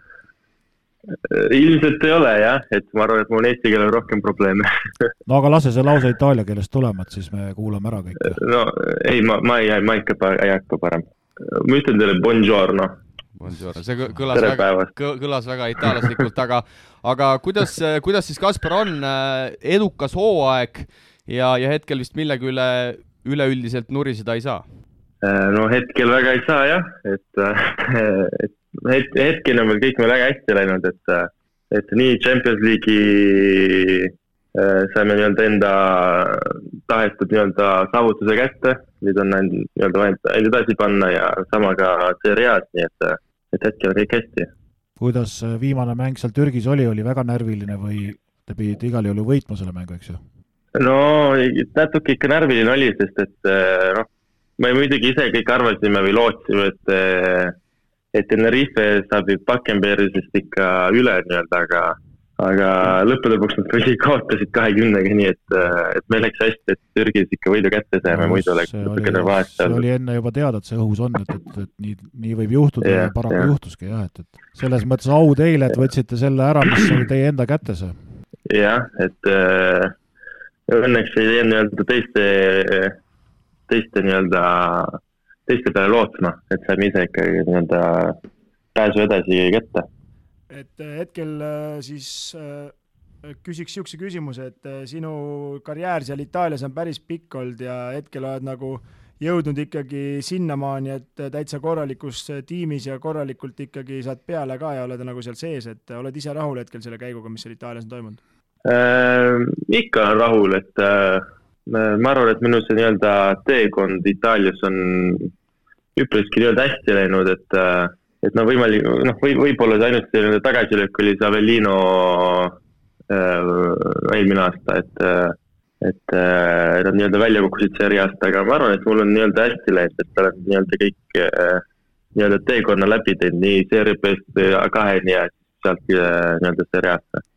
selles mõttes tuleb sulle au anda jah, et, et sa oled hakanud algusest peale ronima ja ega see nii see tegelikult niimoodi tippu jõutakse, et siin pole midagi öelda ja võib-olla see Avellino väljakukkumine andiski selle hea käigu nagu see, et sa said kaks aastat hiljem ikkagi sellisesse võistkonda, kus sa nagu praegu oled, sellepärast et, et noh, seal on ju kahe võistkonna vahel no oli, päris suur vahe, et, et, et selles mõttes tubli, et oled ära kannatanud ja ja ega teistmoodi see asi ei käigi, et, et meil siin kodumaal ka tihtipeale räägitakse, et kuidas nagu teha ja mida teha ja kas minna või mitte minna, siis sinu näide selles mõttes on ikkagi hea, et tuleb minna ja tuleb ise, ise mees olla. no täpselt, et see, ma arvan, et see Avellino nii-öelda väljakukkumine oli võib-olla mõnes mõttes isegi hea mul, et ma sain veel ühe aasta A2-s nii-öelda rohkem mänguaega, et sain nii-öelda, olin natukene rohkem valmis selleks uh, uueks uh, sammuks nii-öelda räägi, Kaspar, sa oled nüüd äh, ligi pool hooaega või veidi rohkem seal kõrgliigas olnud, kui suur see tasemevahe tegelikult selle, selle esiliigaga on, kus sa ütleme siis eelmisel hooajal Ravenna meeskonnas mängisid? no seda on nii-öelda, seda on kuidagi keeruline, sellele on kuidagi keeruline vastata, sest et äh, kui nii-öelda praegu vaadata tagasi, siis äh, on see vahe ikka suur. aga kui hooaja alguses nii-öelda ühest kohast teise läksin, siis oli kuidagi teistsugune tunne, et tundus nagu noh, muidugi mäng oli kiirem ja füüsiliselt on tugevamad küll, aga see nii-öelda mäng iseenesest olnud nii palju erinev, et, et ma, ma ei tea, miks selline nii-öelda tunne mul on, aga võib-olla sellepärast, et ma nagu olen natukene ise ka edasi läinud aasta jooksul, et see on sellepärast, Kaspar, et äh, nüüd on sul paremad mängijad kõrval ja sa ei saa aru, et see nagu oleks nagu paremaks läinud, et selles mõttes, et äh, kui sa mängid kuskil esiliigas äh, või eelmine aasta, kus sa mängisid, et sul oli ju seal selles mõttes, sa olid ikkagi esimese järgu täht ja nüüd sa mängid heade mängijatega ja sul on nagu tunned ennast seal ka mugavalt, et see on muidugi positiivne. ja ilmselt on jah sellepärast jah, mugavam endal nagu kuidagi platsil olla sul on äh, Itaalia pass ka, kas, äh, kas selle võrra enam oli Itaalia kõrgliiga satsidest ka teistest sel suvel huvi või, või oli Sassari meeskond äh, ainus, kes, kes huvi üles näitas? mul oli sellega see aasta üpriski lihtne, sest et Sassar oli esimene, kes nii-öelda, nii-öelda minu kohta küsis ja Sassari oli nagu noh, oli kohe nii-öelda põhimõtteliselt minek, et, et me ei ootanudki väga teisi selliseid äh, valikuid sul on väga huvitav äh, peatreener seal, neljakümne kaheksa aastane itaallane Gianmarco Possecco ja mees siis, ma ei tea, kas sa ise oled nüüd seda tausta uurinud, Ateena olümpiahõbe ja ja väga tunnustatud mängujuht omal ajal Itaalias, et, et kuidas, kuidas sul temaga, temaga jutud on olnud, mida ta sult ootab, mis, mis käekirja ta, ta seal Sassari meeskonnas äh, viljeleb? Äh, Potseko minult ootab, et ma nii-öelda mängiksin võimalikult palju kolmel positsioonil et eh, hetkeni oleme Itaalias olnud pigem ikka nelja positsioonil, aga Potseko tahab minust nii-öelda small forward'it teha, et, eh, et tema kõige suurem nii-öelda plaan ja minu enda kõige suurem nii-öelda eh, plaan on mängida kolme peal ja saada hakkama nii-öelda. no selles mõttes on Potsekol nagu õigus, et kui sa tegelikult vaatad nüüd oma vastaseid, siis sa ju näed, kelle vastu sa mängid, eks ju, ja kui sa ikkagi näed, et kolme koha peal on ka sinust suuremaid mehi, siis ega seal nagu teist varianti ei olegi, et, et eks ju mehel on asjad nagu, tundub läbimõeldud ja tal on, tal on selline veel üks äh, vahva joonis, mida, mida nagu tasuks võib-olla ka teistel nagu tähele panna, on see, et tegelikult positsioonist kolm, neli ja viis mingil hetkel on ju platsil sellised mehed, kes, kes vastane praktiliselt ei teagi, kas sa oled kolm või neli või viis, et et üsna niisugust noh, käisime ka ise eelmine aasta Tartuga seal Sassariga turniiril seal teie kodusaarel või sinu kodusaarel kus sa praegu oled ja, ja ka siis oli tal selline võistkond, kus äh, noh, kolm, neli ja viis seal omavahel niimoodi vahetasid, et äh, praktiliselt oli nagu jube raske seda pilti nagu vastu panna, et äh, et päris huvitav nagu kooslus selles mõttes, nii et, et see, et sa kolme peal oled, on ju tegelikult hea, sest vanusega kolme pealt nelja peale on alati lihtsam tagasi minna. ja, ja täpselt, et Potsekole väga meeldib selline korvpallune mäng, et et meie kolme positsioonil oleme hetkel mina ja Jason Burnell, kes mõlemad on tegelikult noh, puki mängijad nii-öelda. võib-olla Burnell veidike rohkem kui mina, aga üleüldse talle meeldib äh, väga nii-öelda pukis mängida ja äh, nii nelja, viie kui kolme positsioonil. ma panen nüüd natukene Hooajal ma panen nüüd natukene tõrva ka sulle, et ega ma pole sind ausalt öeldes kunagi nagu eriti mängimas näinud, aga koondise aknas äh, mängisid, kas oli natukene harjumatu ka, et kui tulid siia koondise aknasse, oli nagu vastutusroll võib-olla suur, et mis ma panin tähele nagu, et äh, ega sa väga kaare tagant viset ei vaadanud, et kas oli see kartusest või milles see probleem oli? ma ei ütleks, et just kartusest oli, aga tol hetkel tundusid nii-öelda õiged nii-öelda otsus nagu edasi mängida? Äh, otsused jaa, täpselt, et, äh, et ma, see kartusest ei olnud, aga aga kas sa pärast mängu järgi vaatasid ja mõtlesid, et mõnel kohal oleks võinud ikkagi peale panna, mitte edasi mängida, selles mõttes, et ma ei tea, võib-olla teen kellegi, võib-olla teen kellelegi liiga, aga, aga sa oled ikkagi hetkel niisuguses staatuses Eesti koondises, et kui sa ei otsusta, siis kes see otsustab nojah, et mõeldes praegu, siis oleks võinud küll panna, et nii et, nii et võta midagi et, kaasa sinna Permi, kui lähed, nii et mõtle selle peale. jah, et järg, järgmine kord targem ära Kaspar seda saaget ülemäära kuula, räägi äh, parem Sassari, Sassari eesmärkidest sel hooajal nii Itaalia liigas kui, kui meistrite liigas, et äh, sa mängid ikkagi Euroopa ühes tugevamas liigas, te olete hetkel seal teise-kolmanda koha peal äh, Champions League'is järgmisesse ringi, kas nüüd süües on isu kasvanud või tegelikult ütleme, see on kõik oodatav olnud ähm,? ma ei teagi täpselt, kas just oodatud on, aga aga ega me tegelikult teame hästi nii-öelda, mis meie nii-öelda, noh, et me suudame sellisel tasemel tegelikult mängida küll, et, et meil on, see hooaeg on, mulle väga meeldib see, et me see hooaeg võtame nii-öelda mäng mängu korraga, et me ei vaata väga edasi. et see, mis nii-öelda tuleb, see tuleb ja eks, eks, eks näis, kuidas Champions League'is läheb. seeriaas on samuti, et hetkel oleme teised ja, ja nüüd mõtleme Final Eight'i peale, et Coppa Itaalias võimalikult hästi teha, et äh, ja siis pärast vaatab edasi nii-öelda, mis play-off ides juhtub ja kui pikk sul Sassariga leping üldse on, kaua sa nendega hetkel kindlalt seotud oled? Äh, kolm aastat. jah, jah, et äh, eks ma selles, sellepärast ka nii-öelda selle valiku Sassarisse või noh, nii kindel sellesse Sassaris olingi, et neil oli nii-öelda kindel plaan minu suhtes noh, kolmaastane leping ja kindel plaan minu nii-öelda kasvatamises ka, nii et ja hetkeni on hästi läinud. vaatan, et Kopal on teil päris hea tabeli pool, et te võite siin finaali kindlalt välja purjetada, kui kui ise ära ei käkerda ja teisel pool on päris valus, valus vastasseis tekkimas, et Milan no. ja Virtus lähevad omavahel arvatavasti poolfinaalis kokku ühe poole.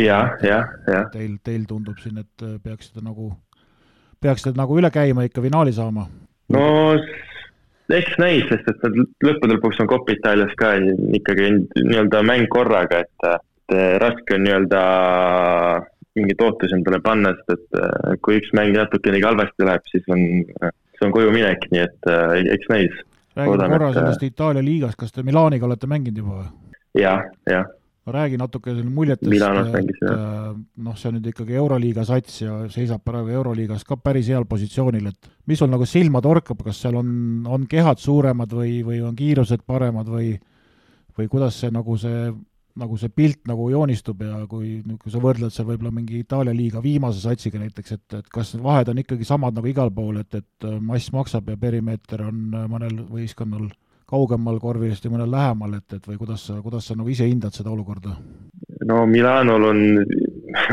Milanol on äh, viisteist mängijat, mis on nagu minu jaoks natukene imelik, et mul ei ole varem midagi taolist nii-öelda juhtunud, et äh, et neil on äh, viisteist mängijat, kellest siis iga, iga mäng jääb kolm mängijat kõrvale ja need kolm mängijat, kes kõrvale jäävad, ei ole nii nagu Itaalia madalamates võistkondades võib-olla mingid nooremad kutid, vaid on vaid on nagu tegijad ja ameeriklased, nii et, et neil on lihtsalt pink niivõrd, nii, nii pikk ja neil on äh, väga, väga kogenud mängijad. treener on ka neil väga hea ja mängivad nagu tõsiselt korvpalli, mängivad väga hästi, nii et äh, ega see, nad on lihtsalt äh, natukene tugevamad kui teised seerias hetkel. ja ma arvan, et Euroliigas samuti on nad väga, väga head,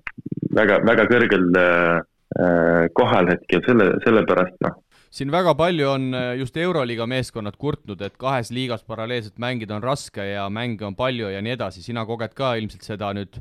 nüüd äh, esmakordselt, et, et sinu vaatevinklist, kui keeruline on üheaegselt tugevat Itaalia kõrgliigat ja, ja meistrite liigat mängida? No see hooaeg on see teistmoodi, kui on erinevad teised hooajad olnud, sest et noh, hooaja alguses pidi olema meie alagrupis kaheksa võistkonda, aga nüüd need tõsteti pooleks, et on nel-, neljased alagrupid, et tegelikult me mängime ju iga kahe nädala tagant põhimõtteliselt selle Champions League'i mängu. aga keeruline on küll, äh, just need kõige pikemad reisid, näiteks meie reis äh, Türk oli põhimõtteliselt nädalases trennis on tehagi, sest olid põhimõtteliselt ainult lennukis. Samuti olid ka teised lennud keerulised, et Kanaaridele sõit oli ka väga pikk ja mitu lendu pidi vahetama ja et ega see kerge ei ole, aga no vot siis teadki, et kui Euroliigasse lähed, siis hakkad, hakkad veel rohkem reisima, et, et ja ja, ja, ja, ja, ja kui, kui äkki näkkab, et siis tead vähemalt selleks valmis olla, et, et nii see paraku, paraku elu on jah, et räägi natuke, kuidas, kuidas see trennid teil nagu välja näevad ja mitu korda päevas teete, et varasemast on teada, et treener on niisuguse ühe, ühe trenni päevas nagu mees, et, et kas on oma stiili muutnud ja samaks jäänud? ei, Potseko teeb äh, korra päevas trenni ja, et äh, hommikuti teeme kas siis jõusaali või individuaalsed treeningud ära ja siis pärast on äh, natukene pikem korvpallitrenn peale, et Potseko tahab nii-öelda sellist Euroliiga võistkondade taolist nii-öelda süsteemi üle võtta, et, et hooaja alguses ta oli isegi mõttes, et noh, tehagi nagu Euroliigas, et hommikuti hommikusöögid võistkonnaga koos ja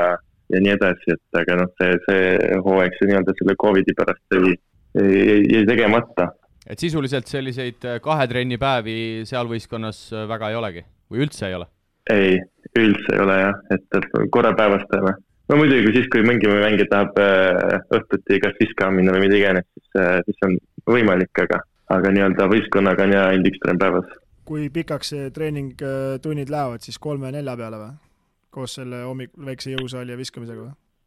no põhimõtteliselt küll ja ütleme, et mingi kolm-neli tundi, jah. aga kõik baasid, asjad on ikkagi tippsatsile omased, et äh, mine millal tahad, jõusaalid, saalid on kõik tipptasemel ja,? jah, jah. kõik on nii-öelda meie, meie otsustada no siia lõppu, Kaspar, kõige põletavam teema ilmselt nii meie kui kõikide Eesti korvpallisõprade jaoks, et äh, Permis siis äh, võib öelda, et see otsustav koondise aken oled sa tänase päeva seisuga tulemas? Äh, tänase päeva seisuga olen tulemas jah, et loodame, et kõik läheb hästi, mingit tagasisideid, tagasisidemeid ei tule ja kõik läheb äh, nii nagu, nagu loodame, et äh, et loodame, et need kaks-kolm nädalat, mis nüüd alles jäänud on, siis et need äh, vigastustega midagi juhtu ja nii edasi. mööduks rahulikult ja ega ma ei oskagi sulle muud kaasa soovita, kui et võta siis Itaalias kolme sekka kaasa ja vaata korvi poole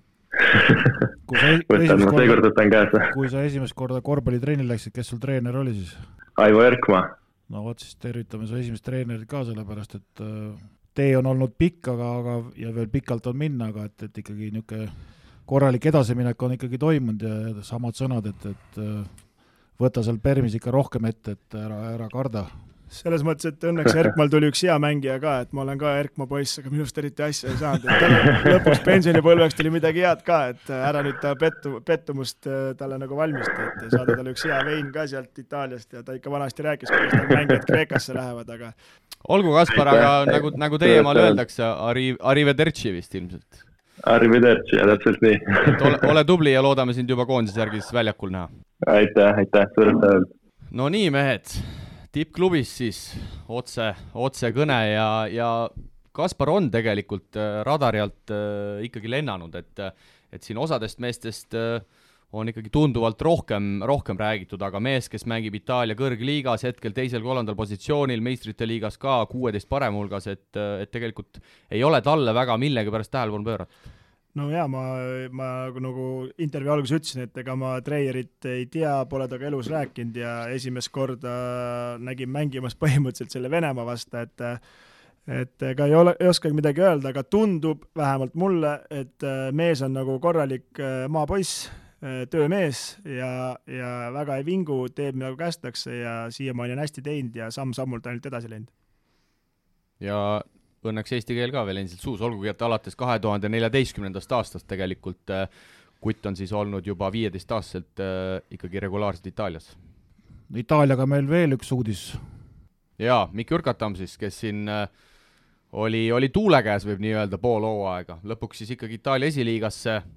Cento Pendento, selline huvitav, huvitav meeskonna nimi, aga oli siin jutt, et läheb Ameerikasse äh, Western Kentucky oli äkki ülikooli nimi, aga sellest asja ei saanud ja natuke võib-olla kahju, et pool hooaega ikkagi, ei saa öelda kindlasti, et raisus, aga,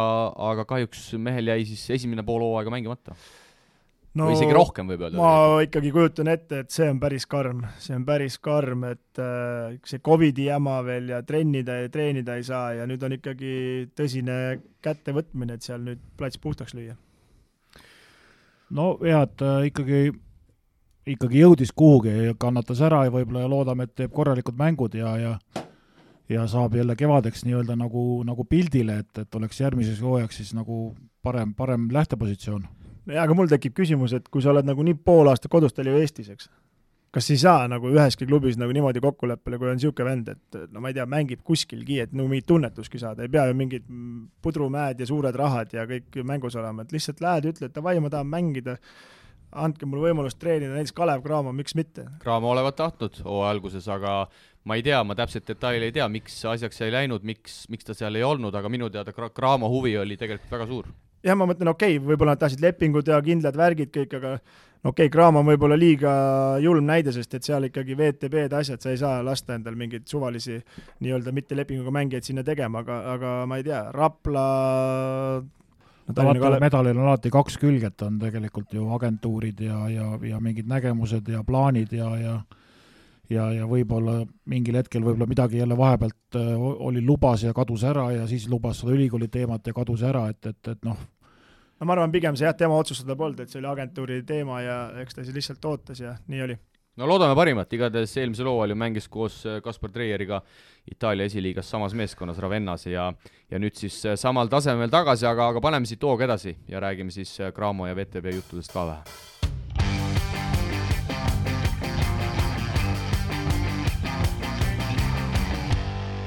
WC Kalev Cramol siis äh, sel nädalal mehed neli mängu, neli mängu, me räägime siin, et Euroliiga meeskondadel on raske, Cramol ei ole ülemäära kergem, okei okay,, tase on madalam, aga, aga täna õhtul siis Cramo Jenissei Kalevi spordihallis, kolmapäeval kodus TalTech, neljapäeval võõrsil Tartu ja pühapäeval võõrsil äh, kurikuulus Moskva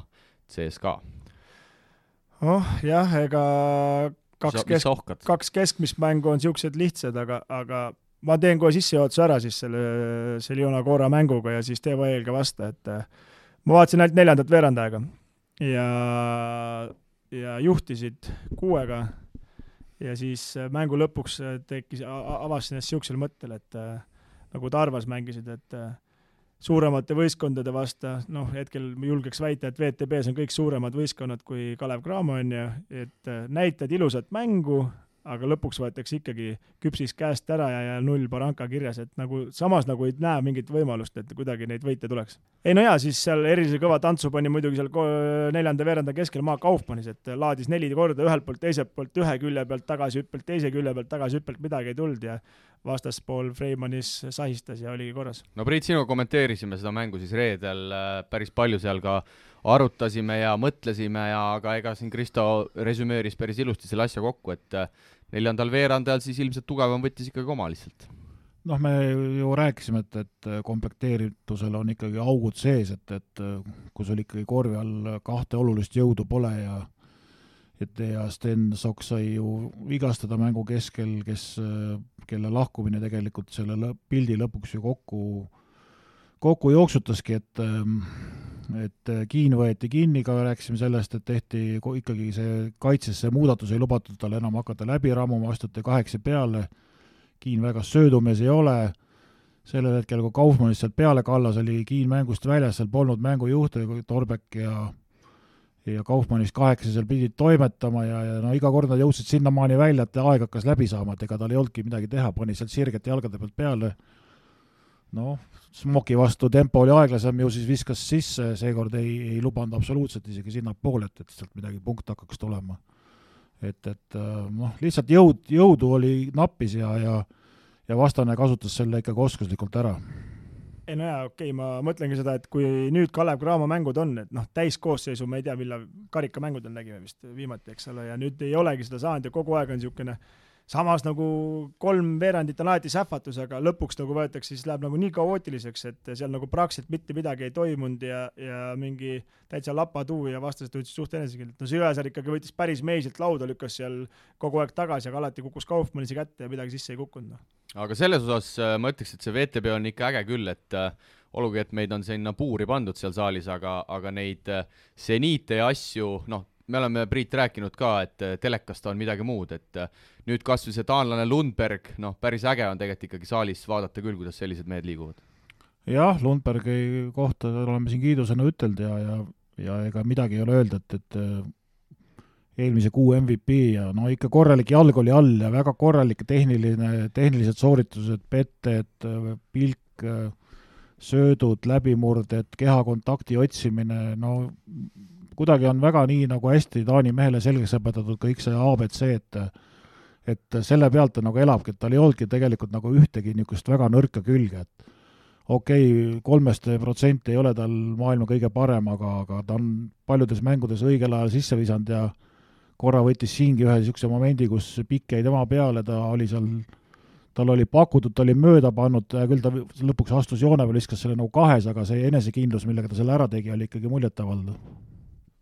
Jaa, et selles mõttes on hea, et see VTB ikka siin käib, et äh, ma küll tean, et see Lundberg lammutas Leedu laiali, aga seda mängu ma telekast ei näinud ja noh, ma arvasin, et ta on niisugune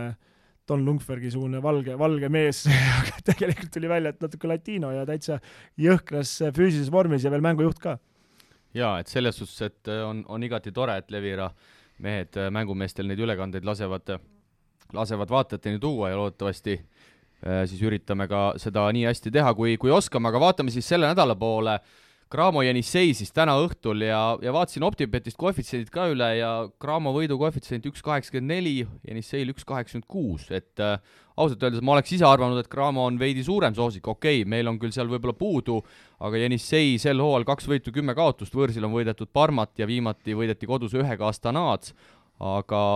ma ütleks küll, et äh, ma arvan, et me oleme ikkagi pigem soosikud selles mängus.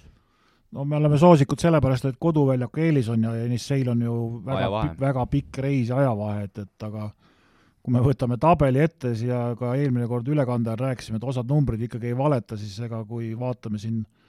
vaatasime statistikat ja asja, siis tegelikult on niisugune võrdsete võistkondade mäng, et siin küsimus ongi hetke, hetke päevas, hetke, hetke momendis, et, et kes paremini minema saab ja kes on paremini noh, võiks öelda isegi Cramo puhul, et kes on tervise juures, et äh, siin nagu nagu mingid taktikalised ja niisugused käigud võib-olla langevadki mingil hetkel tahaplaanile, et vaatad siin, et kes rohkem joosta jõuab üldse, kes üldse joosta jõuab, sellepärast et ka viimase ülekande ajal sai ära mängitud, et Kiin tegelikult selles mängus liikus juba mingitel hetkedel tükk maad paremini kui kaks mängu enne, et, et äh, see tagasitulek on raske, aga noh, kui me nüüd vaatame, kui pikalt on vindunud äh, Gregor ja, ja see Ameerika pikk, et, et noh, siis äh, eeldame, et suured mehed tulevad veel aeglasemalt tagasi, et, et no ju, ei tea, kaua siis nendega veel läheb. jah, eks selle mängu eel ongi kõige suurem küsimus, et mis koosseisus väljakule astutakse ja noh, pigem niisuguse ega VTB-s ma arvan, niisugused tagaotsa satsid, kes meile jõukohased aastaid on olnud, et äh, päevast olenebki, ega siin muust millegi ei olene, et äh, palju mehi on, kes mängivad sel päeval ja kui hästi valmis ollakse, et siin mingit pikemat analüüsi või loota midagi saada ma ei tea, eelnevate võitude eest, mida meil on lausa kaks Minski üle, et ei ole mõtet. Ja Graamo Leeriga rääkides siis äh, nii palju infoks tuli, et Sten Soks peaks ikkagi rivis olema, neli õmblust talle sinna lõua, lõua pihta tehti ja, ja kahjuks siis nendel meedikutel neid äh, asju seal kaasas ei olnud, et seda seal saalis teha, nii et äh, Sten siis sealt Seljona mängult läks, läks, läks otse EMO-sse ja ja ütles, et toredad kolm tundi olid seal. aga sai ikkagi kokku lapitud, loodetavasti tema on olemas. Ja no Toomasega pidi olema nii, et käis koormustestil ja ja arst oli öelnud, et, et vägagi omal vastutusel, et, et nii-öelda, tema, tema kindlasti ei soovita, et see organism on ikkagi täiesti läbi puretud selle koroona poolt ja ja Hermetil pidavat olema ikkagi juba enne seda koroonat mingi, mingi jama, et, et kipub see pilt virvendama ja ja mustaks minema, ehk siis noh, ei taha küll selle treeneri nahas olla, et teise inimese tervisega riskima hakata. Nojah, ega sellist vastutust ei, ei taha ju keegi võtta ja, ja võib-olla on ikkagi mõttekas veel kuu aega kannatada ja ravida ennast, et ikkagi tervena tagasi tulla, muidu võib juhtuda see, et teed siin paar mängu ja siis oled aasta otsa audis, et, et keegi sellist jama ei taha ja ja raske, raske läheb Kalevil, noh et, et kui me võtame ka sellise Jenissei vastaseks näiteks, et noh, meil on ikka väga raske tulemust loota, kui me neljapäeval peab mängima Tanel Kurbas näiteks või Jõesaar, et, et no, no ikkagi jääme nagu kohe, kohe stardis nagu, kohe jääme alla ja, ja hetkel ei ole sellega no, midagi nagu parandada ka, et ja, ja noh, tagaliini mehed, kes meil on võetud, no natuke tundub, et ikkagi ämbrisse astuti selle Luise palkamisega ja me ei ole ühest mehest veel aru saanud, see on see serblane, et, et mis, mis mees see nagu üldse on, et kas ta ikkagi oskab korvpalli mängida või ei oska no jah, kuidagi natuke negatiivseks hakkab see lugu minema, et midagi positiivset ka sisse, et, et pikkasi nii vähe on ju, Nurger saab kõva mängukooli ja äkki tassib siis Permis ära või midagi enesekindlust. jah, et Eesti mehed saavad siin kõvasti põrutada, tegelikult Janari oli ju ka tunduvalt juba lõbusam, kaheksateist punkti ja, ja Kurvas, kellest Priit ka rääkis, kümme punkti ja tõi ka sellist rünnakul head teravust, aga aga ega see päris Kurvase mäng tõesti pole, kui ta seal neljapäeval peab olema. Ja pühapäeval veel siia lõpetuseks siis CSKA kell üks ja CSKA-l on ka päris karm nädal, täna mängitakse Siljona Kooraga võõrsil, neljapäeval on Valencia võõrsil ja pühapäeval siis Cramo kodus. Ja no vaadates, et Miljotinov ka nüüd väljas, Jamesiga omad probleemid, noh, kui reaalne meil sealt võõrsil hammustada on, no ilma Toomas Hermetita vist ei ole mõtet mõelda. noh, jah, ega seal ju see, need raamid on, tulevad vastu ikka noh, seal on Polomboi tuleb seal ja paneb tuleb Polomboi ja tuleb Voitmann ka, jah. Voitmann ja tuleb seal vene mehi ja, ja no midagi lihtsalt ei tule ja ma arvan, et selles mängus on Mike Jamesi comeback ka ikkagi juba tõenäoline. tõenäoline jah, et ja, ja nüüd on ta nagu nende konfliktidega, ma arvan, kõvasti näljasemaks aetud, et, et no kui ta Euroliigas siin nädala sees võib-olla ennast veel tühjaks ei pauguta, siis siis ma arvan, et see Cramo saab siit ikka päris korraliku korraliku päeva endale, et äh, James tahab hirmsasti näidata ja kuskilt ta peab ennast lahti mängima. ja ma olen Jamesi puhul pannud tähele, et tal pole vahet, kes vastane on, ta tahab kõike loputada, et kui juba väljakule saab, siis ta tahab palju punne saada. sinusse siis? jaa,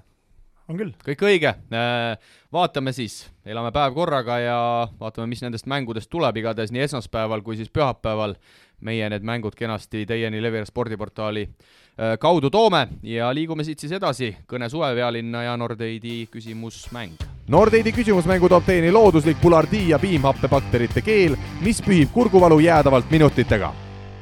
Nordeidi küsimusmängu rubriik ja meil peaks olema edukas kõne suvepealinnast taas äh, Jaan Allikule ja Jaan, kurjad keeled räägivad, et sa oled äh, kodus vangis või? no nii on jah, selgus, et ma olen olnud lähikontaktne vaata, et sa ikkagi re reeglitest korralikult kinni pead.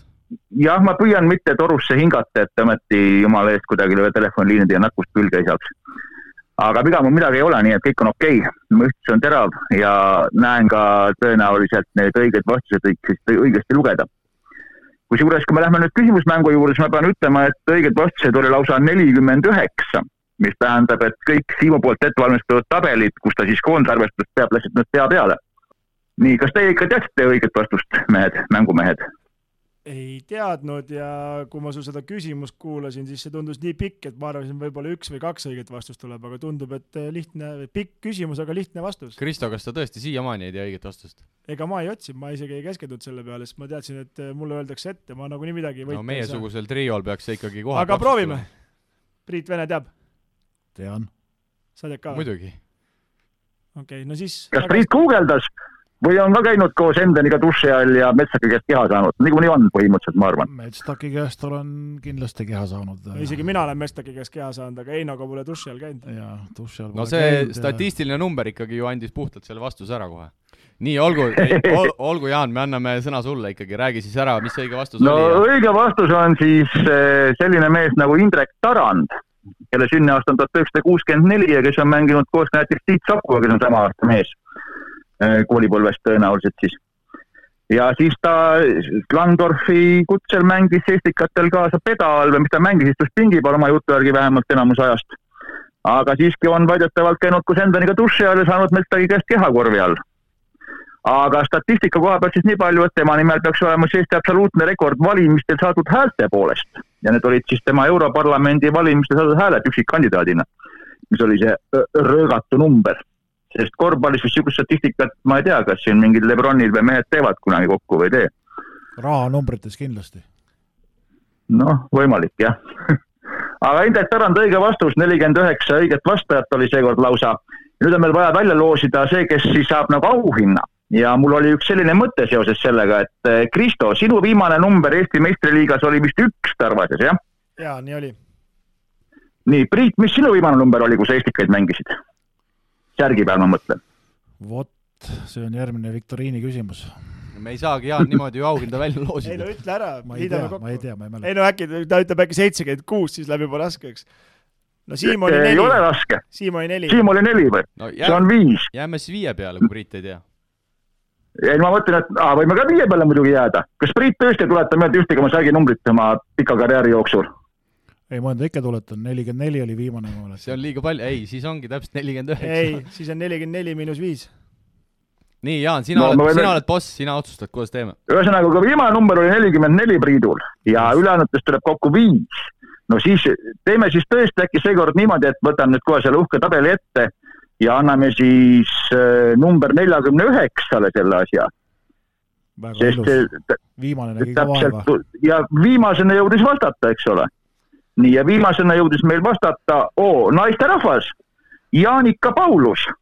palju õnne. vastus jõudis siis meieni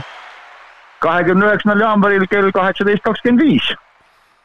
no suurepärane. nii et Siim, pane kirja, Jaanika Paulus. ja Jaanikale palju õnne, võta meiega ühendust. auhind äh, juba peaaegu et liigub sinuni, aga lähme kiirelt, Jaan, edasi, uus nädal, uus küsimus. oled kindlasti Just. kõva eeltöö teinud eeltöö on tehtud, aga enne kui ma lähen nüüd küsimuse juurde, üks küsimus Kristo Saagele.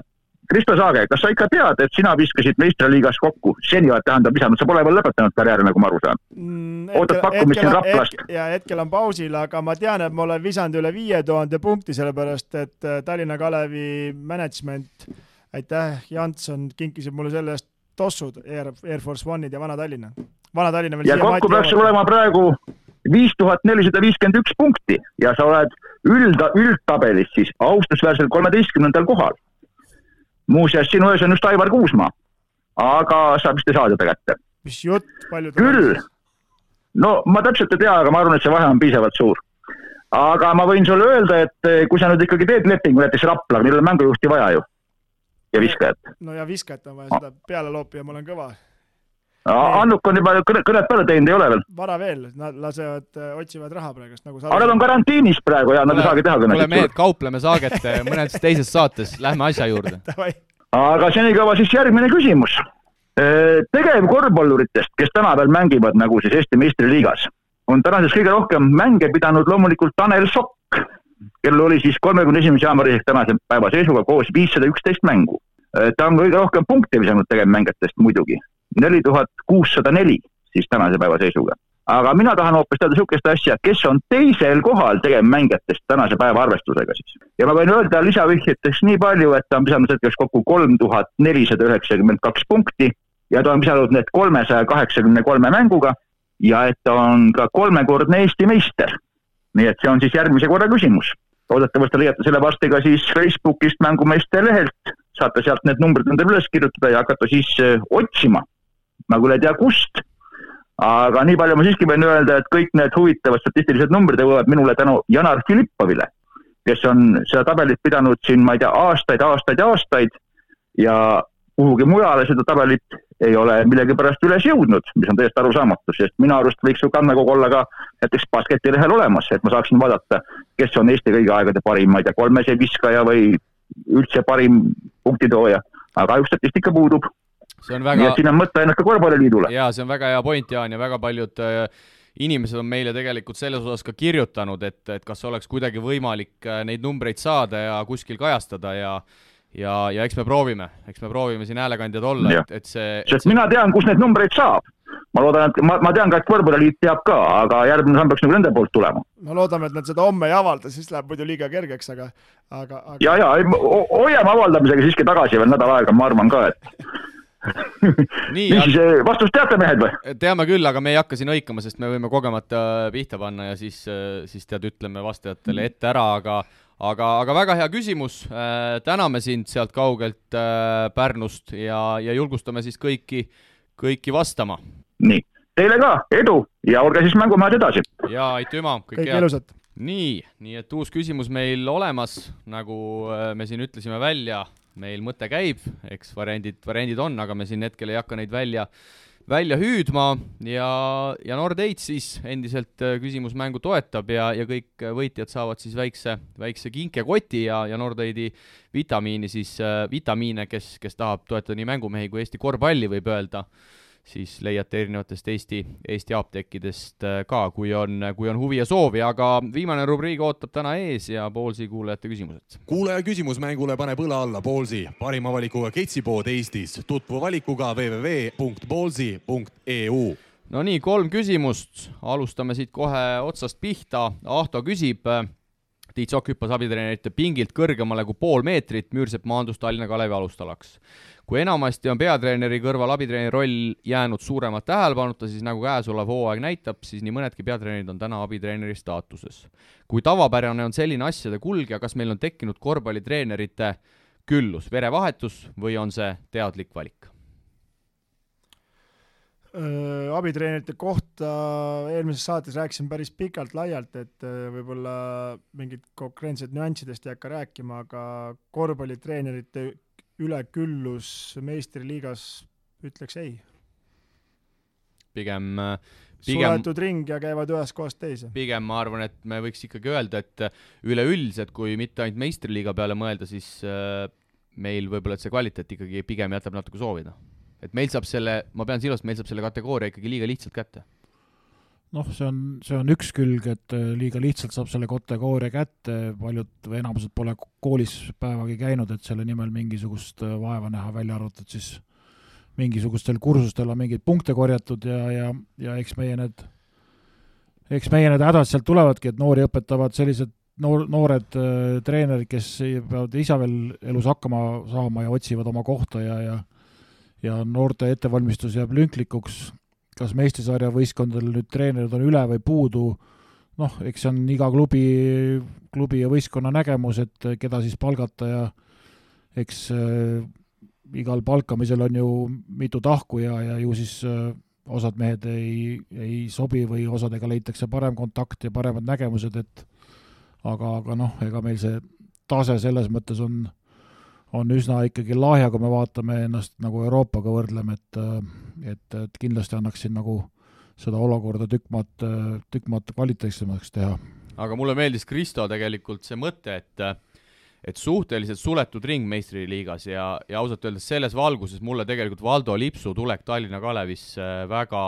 väga meeldis, et mis ta seal nüüd teha suudab, see on iseasi, aga Valdo on tegelikult noori pikalt treeninud äh, nagu me Treieriga tegelikult, Priit, sa ütlesid, et on selle tee nii-öelda läbi käinud, üks mängijana, teine siis treenerina, et tegelikult see on küll väga positiivne, et uusi nimesid sinna tuleb. no igal juhul, ega siis äh, iga, iga uus toob ju midagi juurde ja, ja ja need, kes, äh, kes on jälle vabad nii-öelda, siis peavad midagi nagu ise juurde mõtlema ja oma järeldused tegema ja ja uusi plaane sättima ja, ja nii see elu käib, et ega seisev, seisev asi on kõige hullem asi aga selle treeneri harituse juurde tagasi tulles, siis nagu mis mind ikkagi hämmastab, on see, et äh, kas te olete nõus minuga, et äh, meistriliiga klubid on ikkagi põhimõtteliselt ju erasektor, eks? nii. ja seda peab treenima viienda kategooria treener. aga siis neid noori võib treenida ka kolmanda kate-, kategooria treener nagu mina, et sellest ma nagu ei saa aru, et kui näiteks Tarvas tahab mind treeneriks saada, ma ei tohi treener olla kuigi see on erasektor, et mehi, mehi, mehi ei tohi perse keerata, et siis peab hullult haritud olema, aga siis, kui lähen noori treenima, midagi ei tea, siis neid võin nagu nahka keerata, et see nagu minu arust hämmastab. noh, siis pead olümpiakomiteesse pöörduma, et äh, no sellega mõttes peaks jah, et see on ju erasektor, see ei ole mingi riiklik üritus, et nad ju mingit raha ei anna selles mõttes, et kui ma teen endale klubi ja ma tahan treener olla, siis ma lihtsalt olen, noh, mind ei huvita selles mõttes mingid kategooriad, noh, niisuguseid näiteid nagu võiks tuua, ma arvan, et et aga see on nagu, nagu selles mõttes teisejärguline, aga ma ütlen lihtsalt seda, et kuidagi, et noortetreeneriks saab nagu väga, väga väikse kategooriaga. sa oled, Priit, pikalt juba, juba treeneriametit pidanud, näed sa, et sealt altpoolt tuleb meil piisavalt poisse, tüdrukuid, mehi, naisi treenerite osas, osas peale, et näed sa sellist meistriliiga potentsiaali, et meil siin mõned nooremad mehed on, Killing on näiteks Tehnikaülikooli meeskonnas ja, ja on tulnud nooremat verd ka, aga näed sa sealt võib-olla veel poolt alt tulemas? No eks see ring on ikka üsna ahtak, et äh, kuidagi ju sa pead alustama ikkagi, kui sa pole ise nagu tippmängija olnud või ütleme, kas või meistersarja tasemel, siis sa pead kuskilt ju abitreeneri al-, algama, alustama ja meil ju teadupärast tahetakse nii säästuprogramme teha, et abitreenereid väga ei tahetagi palgata ja, ja ja, ja noh, siis, siis meil seda ringi nagu ei avagi, et, et, et kust need uued mehed peavad tulema, noh et okei okay,, Lips tuli, aga ka täiesti ju null, null kogemus, ütleme noh, kõrgliiga tasemel treenerina olla, okei okay,, ise on kunagi mängumees olnud,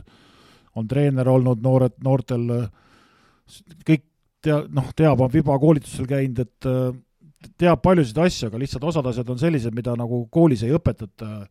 Ja, ja teine asi on see, et, et osad asjad on sellised, mida ainult koolis õpetatakse ja, ja jälle elu näiteks ei õpeta, et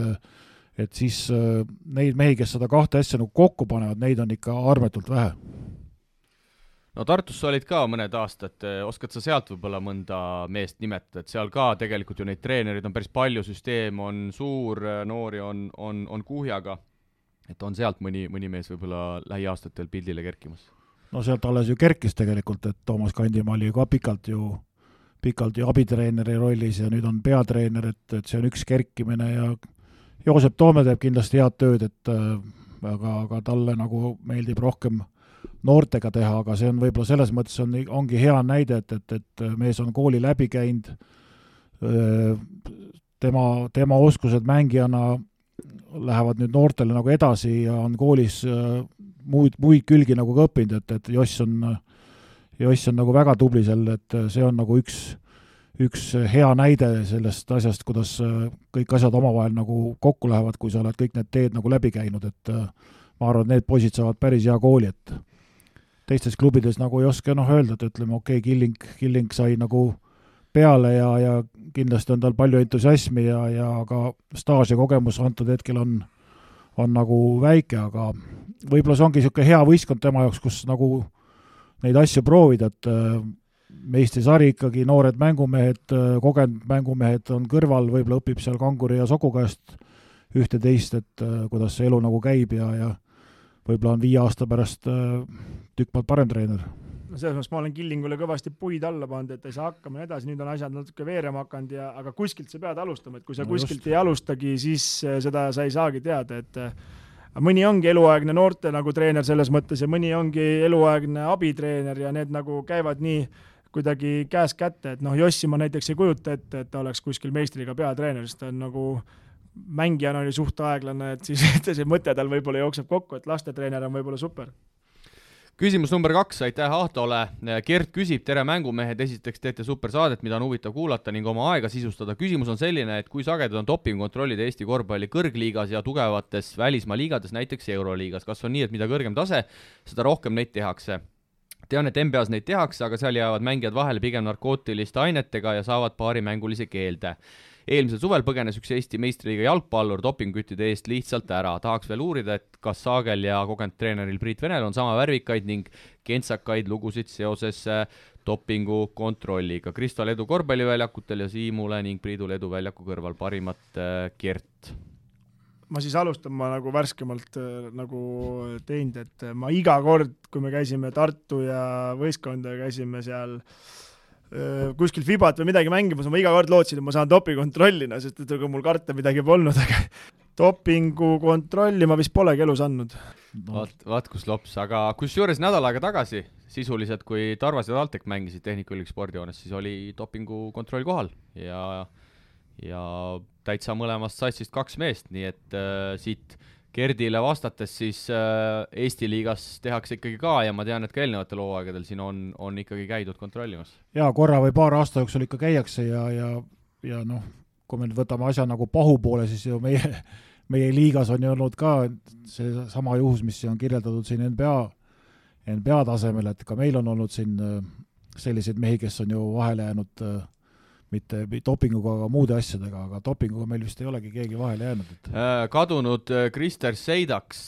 oli vist selline oh, nimi. jäi mõlemaga vahele või? Äh, tema jäi mõlemaga jah, tema ja,, tema jäigi mõlemaga. tema jah. nüüdseks on jah meie seast lahkunud, aga tema jäi siis Rapla meeskonnas vahele, mäletame, ja Robert Stumbris Rakveres Kanepiga, kui ma ei eksi. no igav Rakveres oli järelikult, mis, mis seal, noh, mis, mis seal toimub, Kristo, sina tead? Kod, kodus on endal äh, Siim-Sandri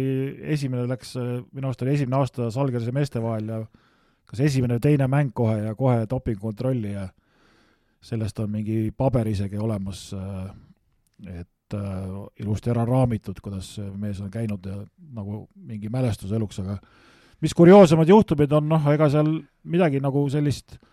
kuskilt väga pauku ju tegelikult me ei ole siin Euroopas nagu kuulnud, et eks mõni ikka kuskil vahele on jäänud, aga noh, kõige hullemad asjad on see, kui, kui võistkond istub bussis ja, ja kolm tundi see mängija ei tule, et, et vot siis see on nagu juba niisugune no, jõuda. niisugune teema, mis nagu noh, ikkagi ühtepidi jääb meelde ja teistpidi on nagu selline, mis ta ei ole küll kurioosum, aga, aga näitab, et elu, elu on nagu, nagu, nagu niisugune, nagu no, on ma ei tea jah, et see kõige hullem ongi see jah, et kui keegi tõmmatakse dopingukontrolli, aga no sul ei tule pärast mängu kohe pissihäda, no ja siis vanasti anti õlut, nüüd enam ei anta õlut ka, et tuleks kiiremini ja no seal ikka on saanud oodata, et ma mäletan, Veidemann oli vist äh, Prantsusmaal käisime, siis Veidemaal oli ka mingi kolm tundi ära, aga õnneks hotell oli meil nii lähedal, et ta sai pärast jala tulla, et me kohe minema ei läinud ja ja siis mäletan, et äh, Cramo ajal Tanel Sokk äh, viidi sealsamas, siis kui need, Tarvaski oli see, et viidi sinna, et siis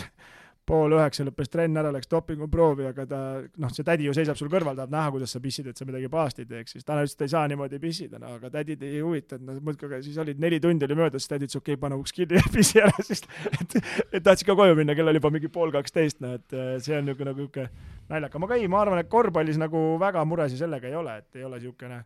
ma ei tea, steroide väga ei söö aga siin äh, küsija Gert muidugi selle kentsaka lingi pani ka siia, kus see Leegioni mängumees Eesti jalkaliigast äh, lihtsalt jooksis minema, et ma ei tea, see on ka päris omamoodi, et noh, lihtsalt ja-, lahkud jalgpallistaadionilt. ütleme nii jah, sex, drugs and rock n roll võib öelda siis selle kohta. ju siis, ju siis oli ikkagi mingi karmavõlg, aga viimane küsimus, Joonas tere, mängumehed! ei pääse ka mina kiidusõnade jagamisest, teie podcast on iga esmaspäeva hommiku vaieldamatu osa ning tööpäeva enne alustada ei saa, kui saade kuulatud äärmiselt põnevad teemad ja arutelu käigud, suured tänud teile selle eest ja pange ikka samamoodi edasi. tänud, Joonas, üritame. nüüd aga minu küsimus, üldiselt on oma tegevuses edukamad need inimesed ja organisatsioonid, kes suudavad edukalt ajakirjandusega suhelda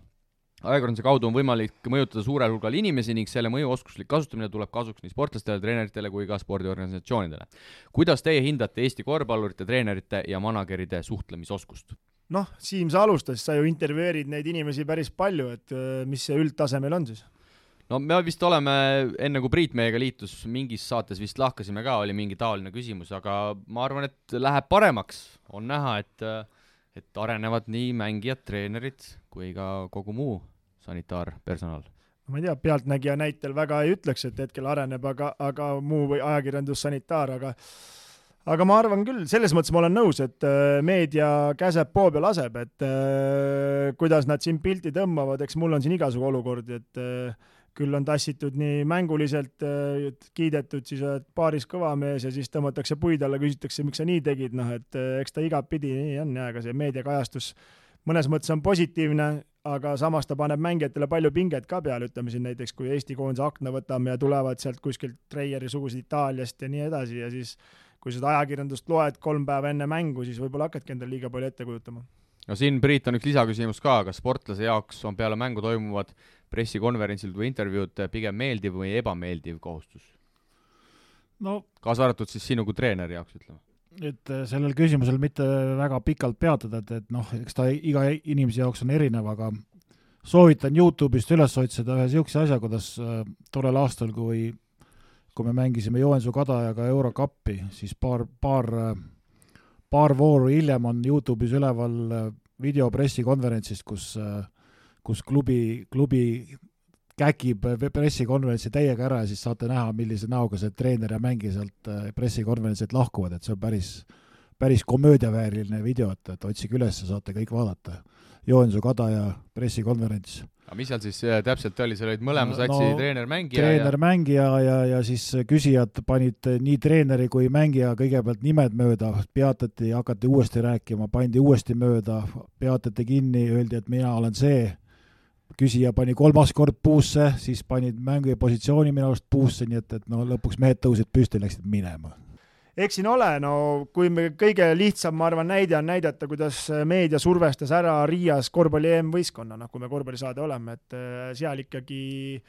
tambiti ja see press mõnes mõttes läks liiale ja siin tagantjärgi on öeldud, et võib-olla liiga palju tsirkust oli kaasas ja mehed ei suutnud sellega nagu toime tulla, aga aga, aga noh, ma ütlen, see oleneb ju, kui sa mängid, iga mängija selles mõttes, ma ei tea, saad ühega kotti ja mingi vend tuleb su käest mingit küsimust kohe küsima, no ilmselgelt sa tahad kohe perse saata ta, noh, et mis, mida sa jaurad siin, on ju, kui noh, ma ei kujuta ette, Ivar Juntsega tuleb, mis nüüd juhtus, no sa ju ise nägid just, mis nüüd juhtus, no selles mõttes, et nagu see jääb nagu vihale, aga aga sellega tuleb toime saada, selles mõttes, et äh, kui sul on ikkagi tuhat fänni, ütleme,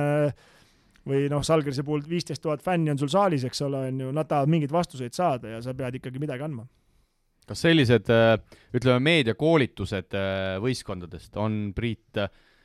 tavapärane näide, ma arvan, et kõrgemal tasemel kindlasti, aga meie riigis vist pigem mitte? Žalgirises see asi igatahes toimis ja käidi asjad läbi ja seletati, mida ja kuidas ja, ja ja, ja aga meil, mina ei ole küll kuskil nagu kokku puutunud nii palju kui ise oma, oma haridustasemelt või harjutustasemelt nagu üritad teha ja teada saada, nii palju see täpselt on ja aga, aga noh, võtame ka siin värvikaid momente veel, et näiteks, et soovitan vaadata eelmise aasta Jassik Jäävitsuse mõned pressikonverentsid üle, et, et kuidas seal küsijad said vastu päid ja jalgu, nii et äh, vähe polnud, et äh, et äh, ka veel, veel nagu eraldi teema, et, et õpetatakse ja ollakse küll, aga kui inimene keema läheb ja peale just nagu Kristo ütles, et mingisugust ühepunktist võitu või kaotust, et siis siis äh, noh, siis see peab olema ikka päris kõva mees, kes sealt nagu ilusti välja tuleb, et et ma ei ole jah, ma ei tea küll, et Eestis mingit koolitust oleks olnud, et kui siin koolitustega midagi üldse teemasse tulla, siis äh, Kalev Cramoga äh, Aivar Kuusma, kui ma ei eksi, oli peatreener ja jäime Tartuga kaks-null taha, siis kutsuti meil Peep Vain sinna Saku Suurel üles ruumi ja kadunud Allan Torbek oli ka veel seal ja siis äh, see Peep Vain ilusti rääkis meile seal psühholoogilisi asju ja siis käskis kõriga hakata nooli nagu katki tegema ja siis Allan Torbek tagant reas ütles, et mina sellesse voodoo'sse ei usu, mängida ei oska, sest ei oska, siis. Siis seal läks natuke karahuuliks, siis see Peep Vain tõstis selle Allan Torbeku välja ja seal oli nagu jah, et siis see, see pani omamoodi puid alla ja siis ikkagi lõpuks me purusime need nooled ja saime sellest hirmust üle ja lõpuks tuli ikka neli-kaks või neli-kolm meistriks, et see oli ka nagu huvitav värk, et jah, et noh, võta sa kinni, kas see aitas või ei aidanud, minu arust oli naljakam see Allan Torbeku osa selles, aga, aga noh, oleneb mängijast. aga no, suhtlema peab, suhtlema peab ja ega, ega teistmoodi tõde ei selgu ja, ja ja noh, nagu Siim ütles, et ega saalis ju publikul ja pealtvaatajal on omad mured ja küsimused ja soovid ja, ja mängijatel ja treeneritel omad ja kõiki asju ei saa rääkida ja mingil hetkel on targem vait olla, nii et et aga igal juhul iga, iga, iga, iga küsimus on, tuleb ikkagi teretulnud selles mõttes, et, et see viib ju asja edasi ja annab, annab asjaostele infot ja teeb asja huvitavamaks. no nii, kellele siis Team Spiriti poolt äh, T-särgi anname? küsimus number üks abitreeneri äh, osas, kas meil on küllus Ahto poolt, number kaks oli siis dopingu teema Gerdi poolt või number kolm, viimane, Joonas küsis siis selle suhtlemisoskuse kohta. no nüüd tekkis niisugune pikk paus, et, et viskame siis äh, näpu või, või ütleme kohe otse ära? Kristo, anna minna ma arvan, et siin äh, ikkagi see number kolm, et läks kõige elavamaks. ma arvan, ma no olen siis... nagu selles mõttes, et siin sai mõned näited tuua ja möllata ja sa annad ikkagi teeme... sellele, kes kõige magusamaid sõnu meile ütleb? no ei, sellepärast, et ikkagi see kolm on niisugune maagiline, et nagu meile siin ta-, Pärnust suvepillinast Jaan Allik ütles, et mul on kolm kolmest puudu, et ma juba mõtlen, millise satsiga sainida, noh et et selles mõttes, et äh, meie matt lõpeb siin, Siim, et äh, kahju. no nüüd, nüüd tuleb kähku ajakirjandusega suhtlema hakata, et, et Kristal on kolm punkti puudu, et kes, kes nüüd siis selle käigu julgeb teha, et, et, et ma arvan, et kõige suurem tõenäosus on kohe alustada sealt, kus me täna kommenteerima läheme, et me kus, saa-, arvestame kusjuures äh, oli tunda ka, et siin te saate teises pooles mees täitsa ajevil, et ilmselt genereeribki peas, et ei, ma Müri käest küsin, ta on ju abitreener, äkki saab midagi aidata kuidagi? olgu, olgu. tõmbame siit täna kokku, mammutiks läks, aga, aga mis sa teed, äh, juttu tuli kõvasti ja, ja tänud kuulamast-vaatamast, kuulamast siis esialgu küll. ilusat päeva jätku! nägemist! Korvpall on meie mäng mille harrastamisel ja jälgimisel võib tekkida hea tuju ja tunne. enne saali minemist pea nõu sõbra või elukaaslasega. platsil näeme. Mikk-Mikk. ega edu pole jänes, mis seest ära jookseb. ärid on edukad Hammerheadi majades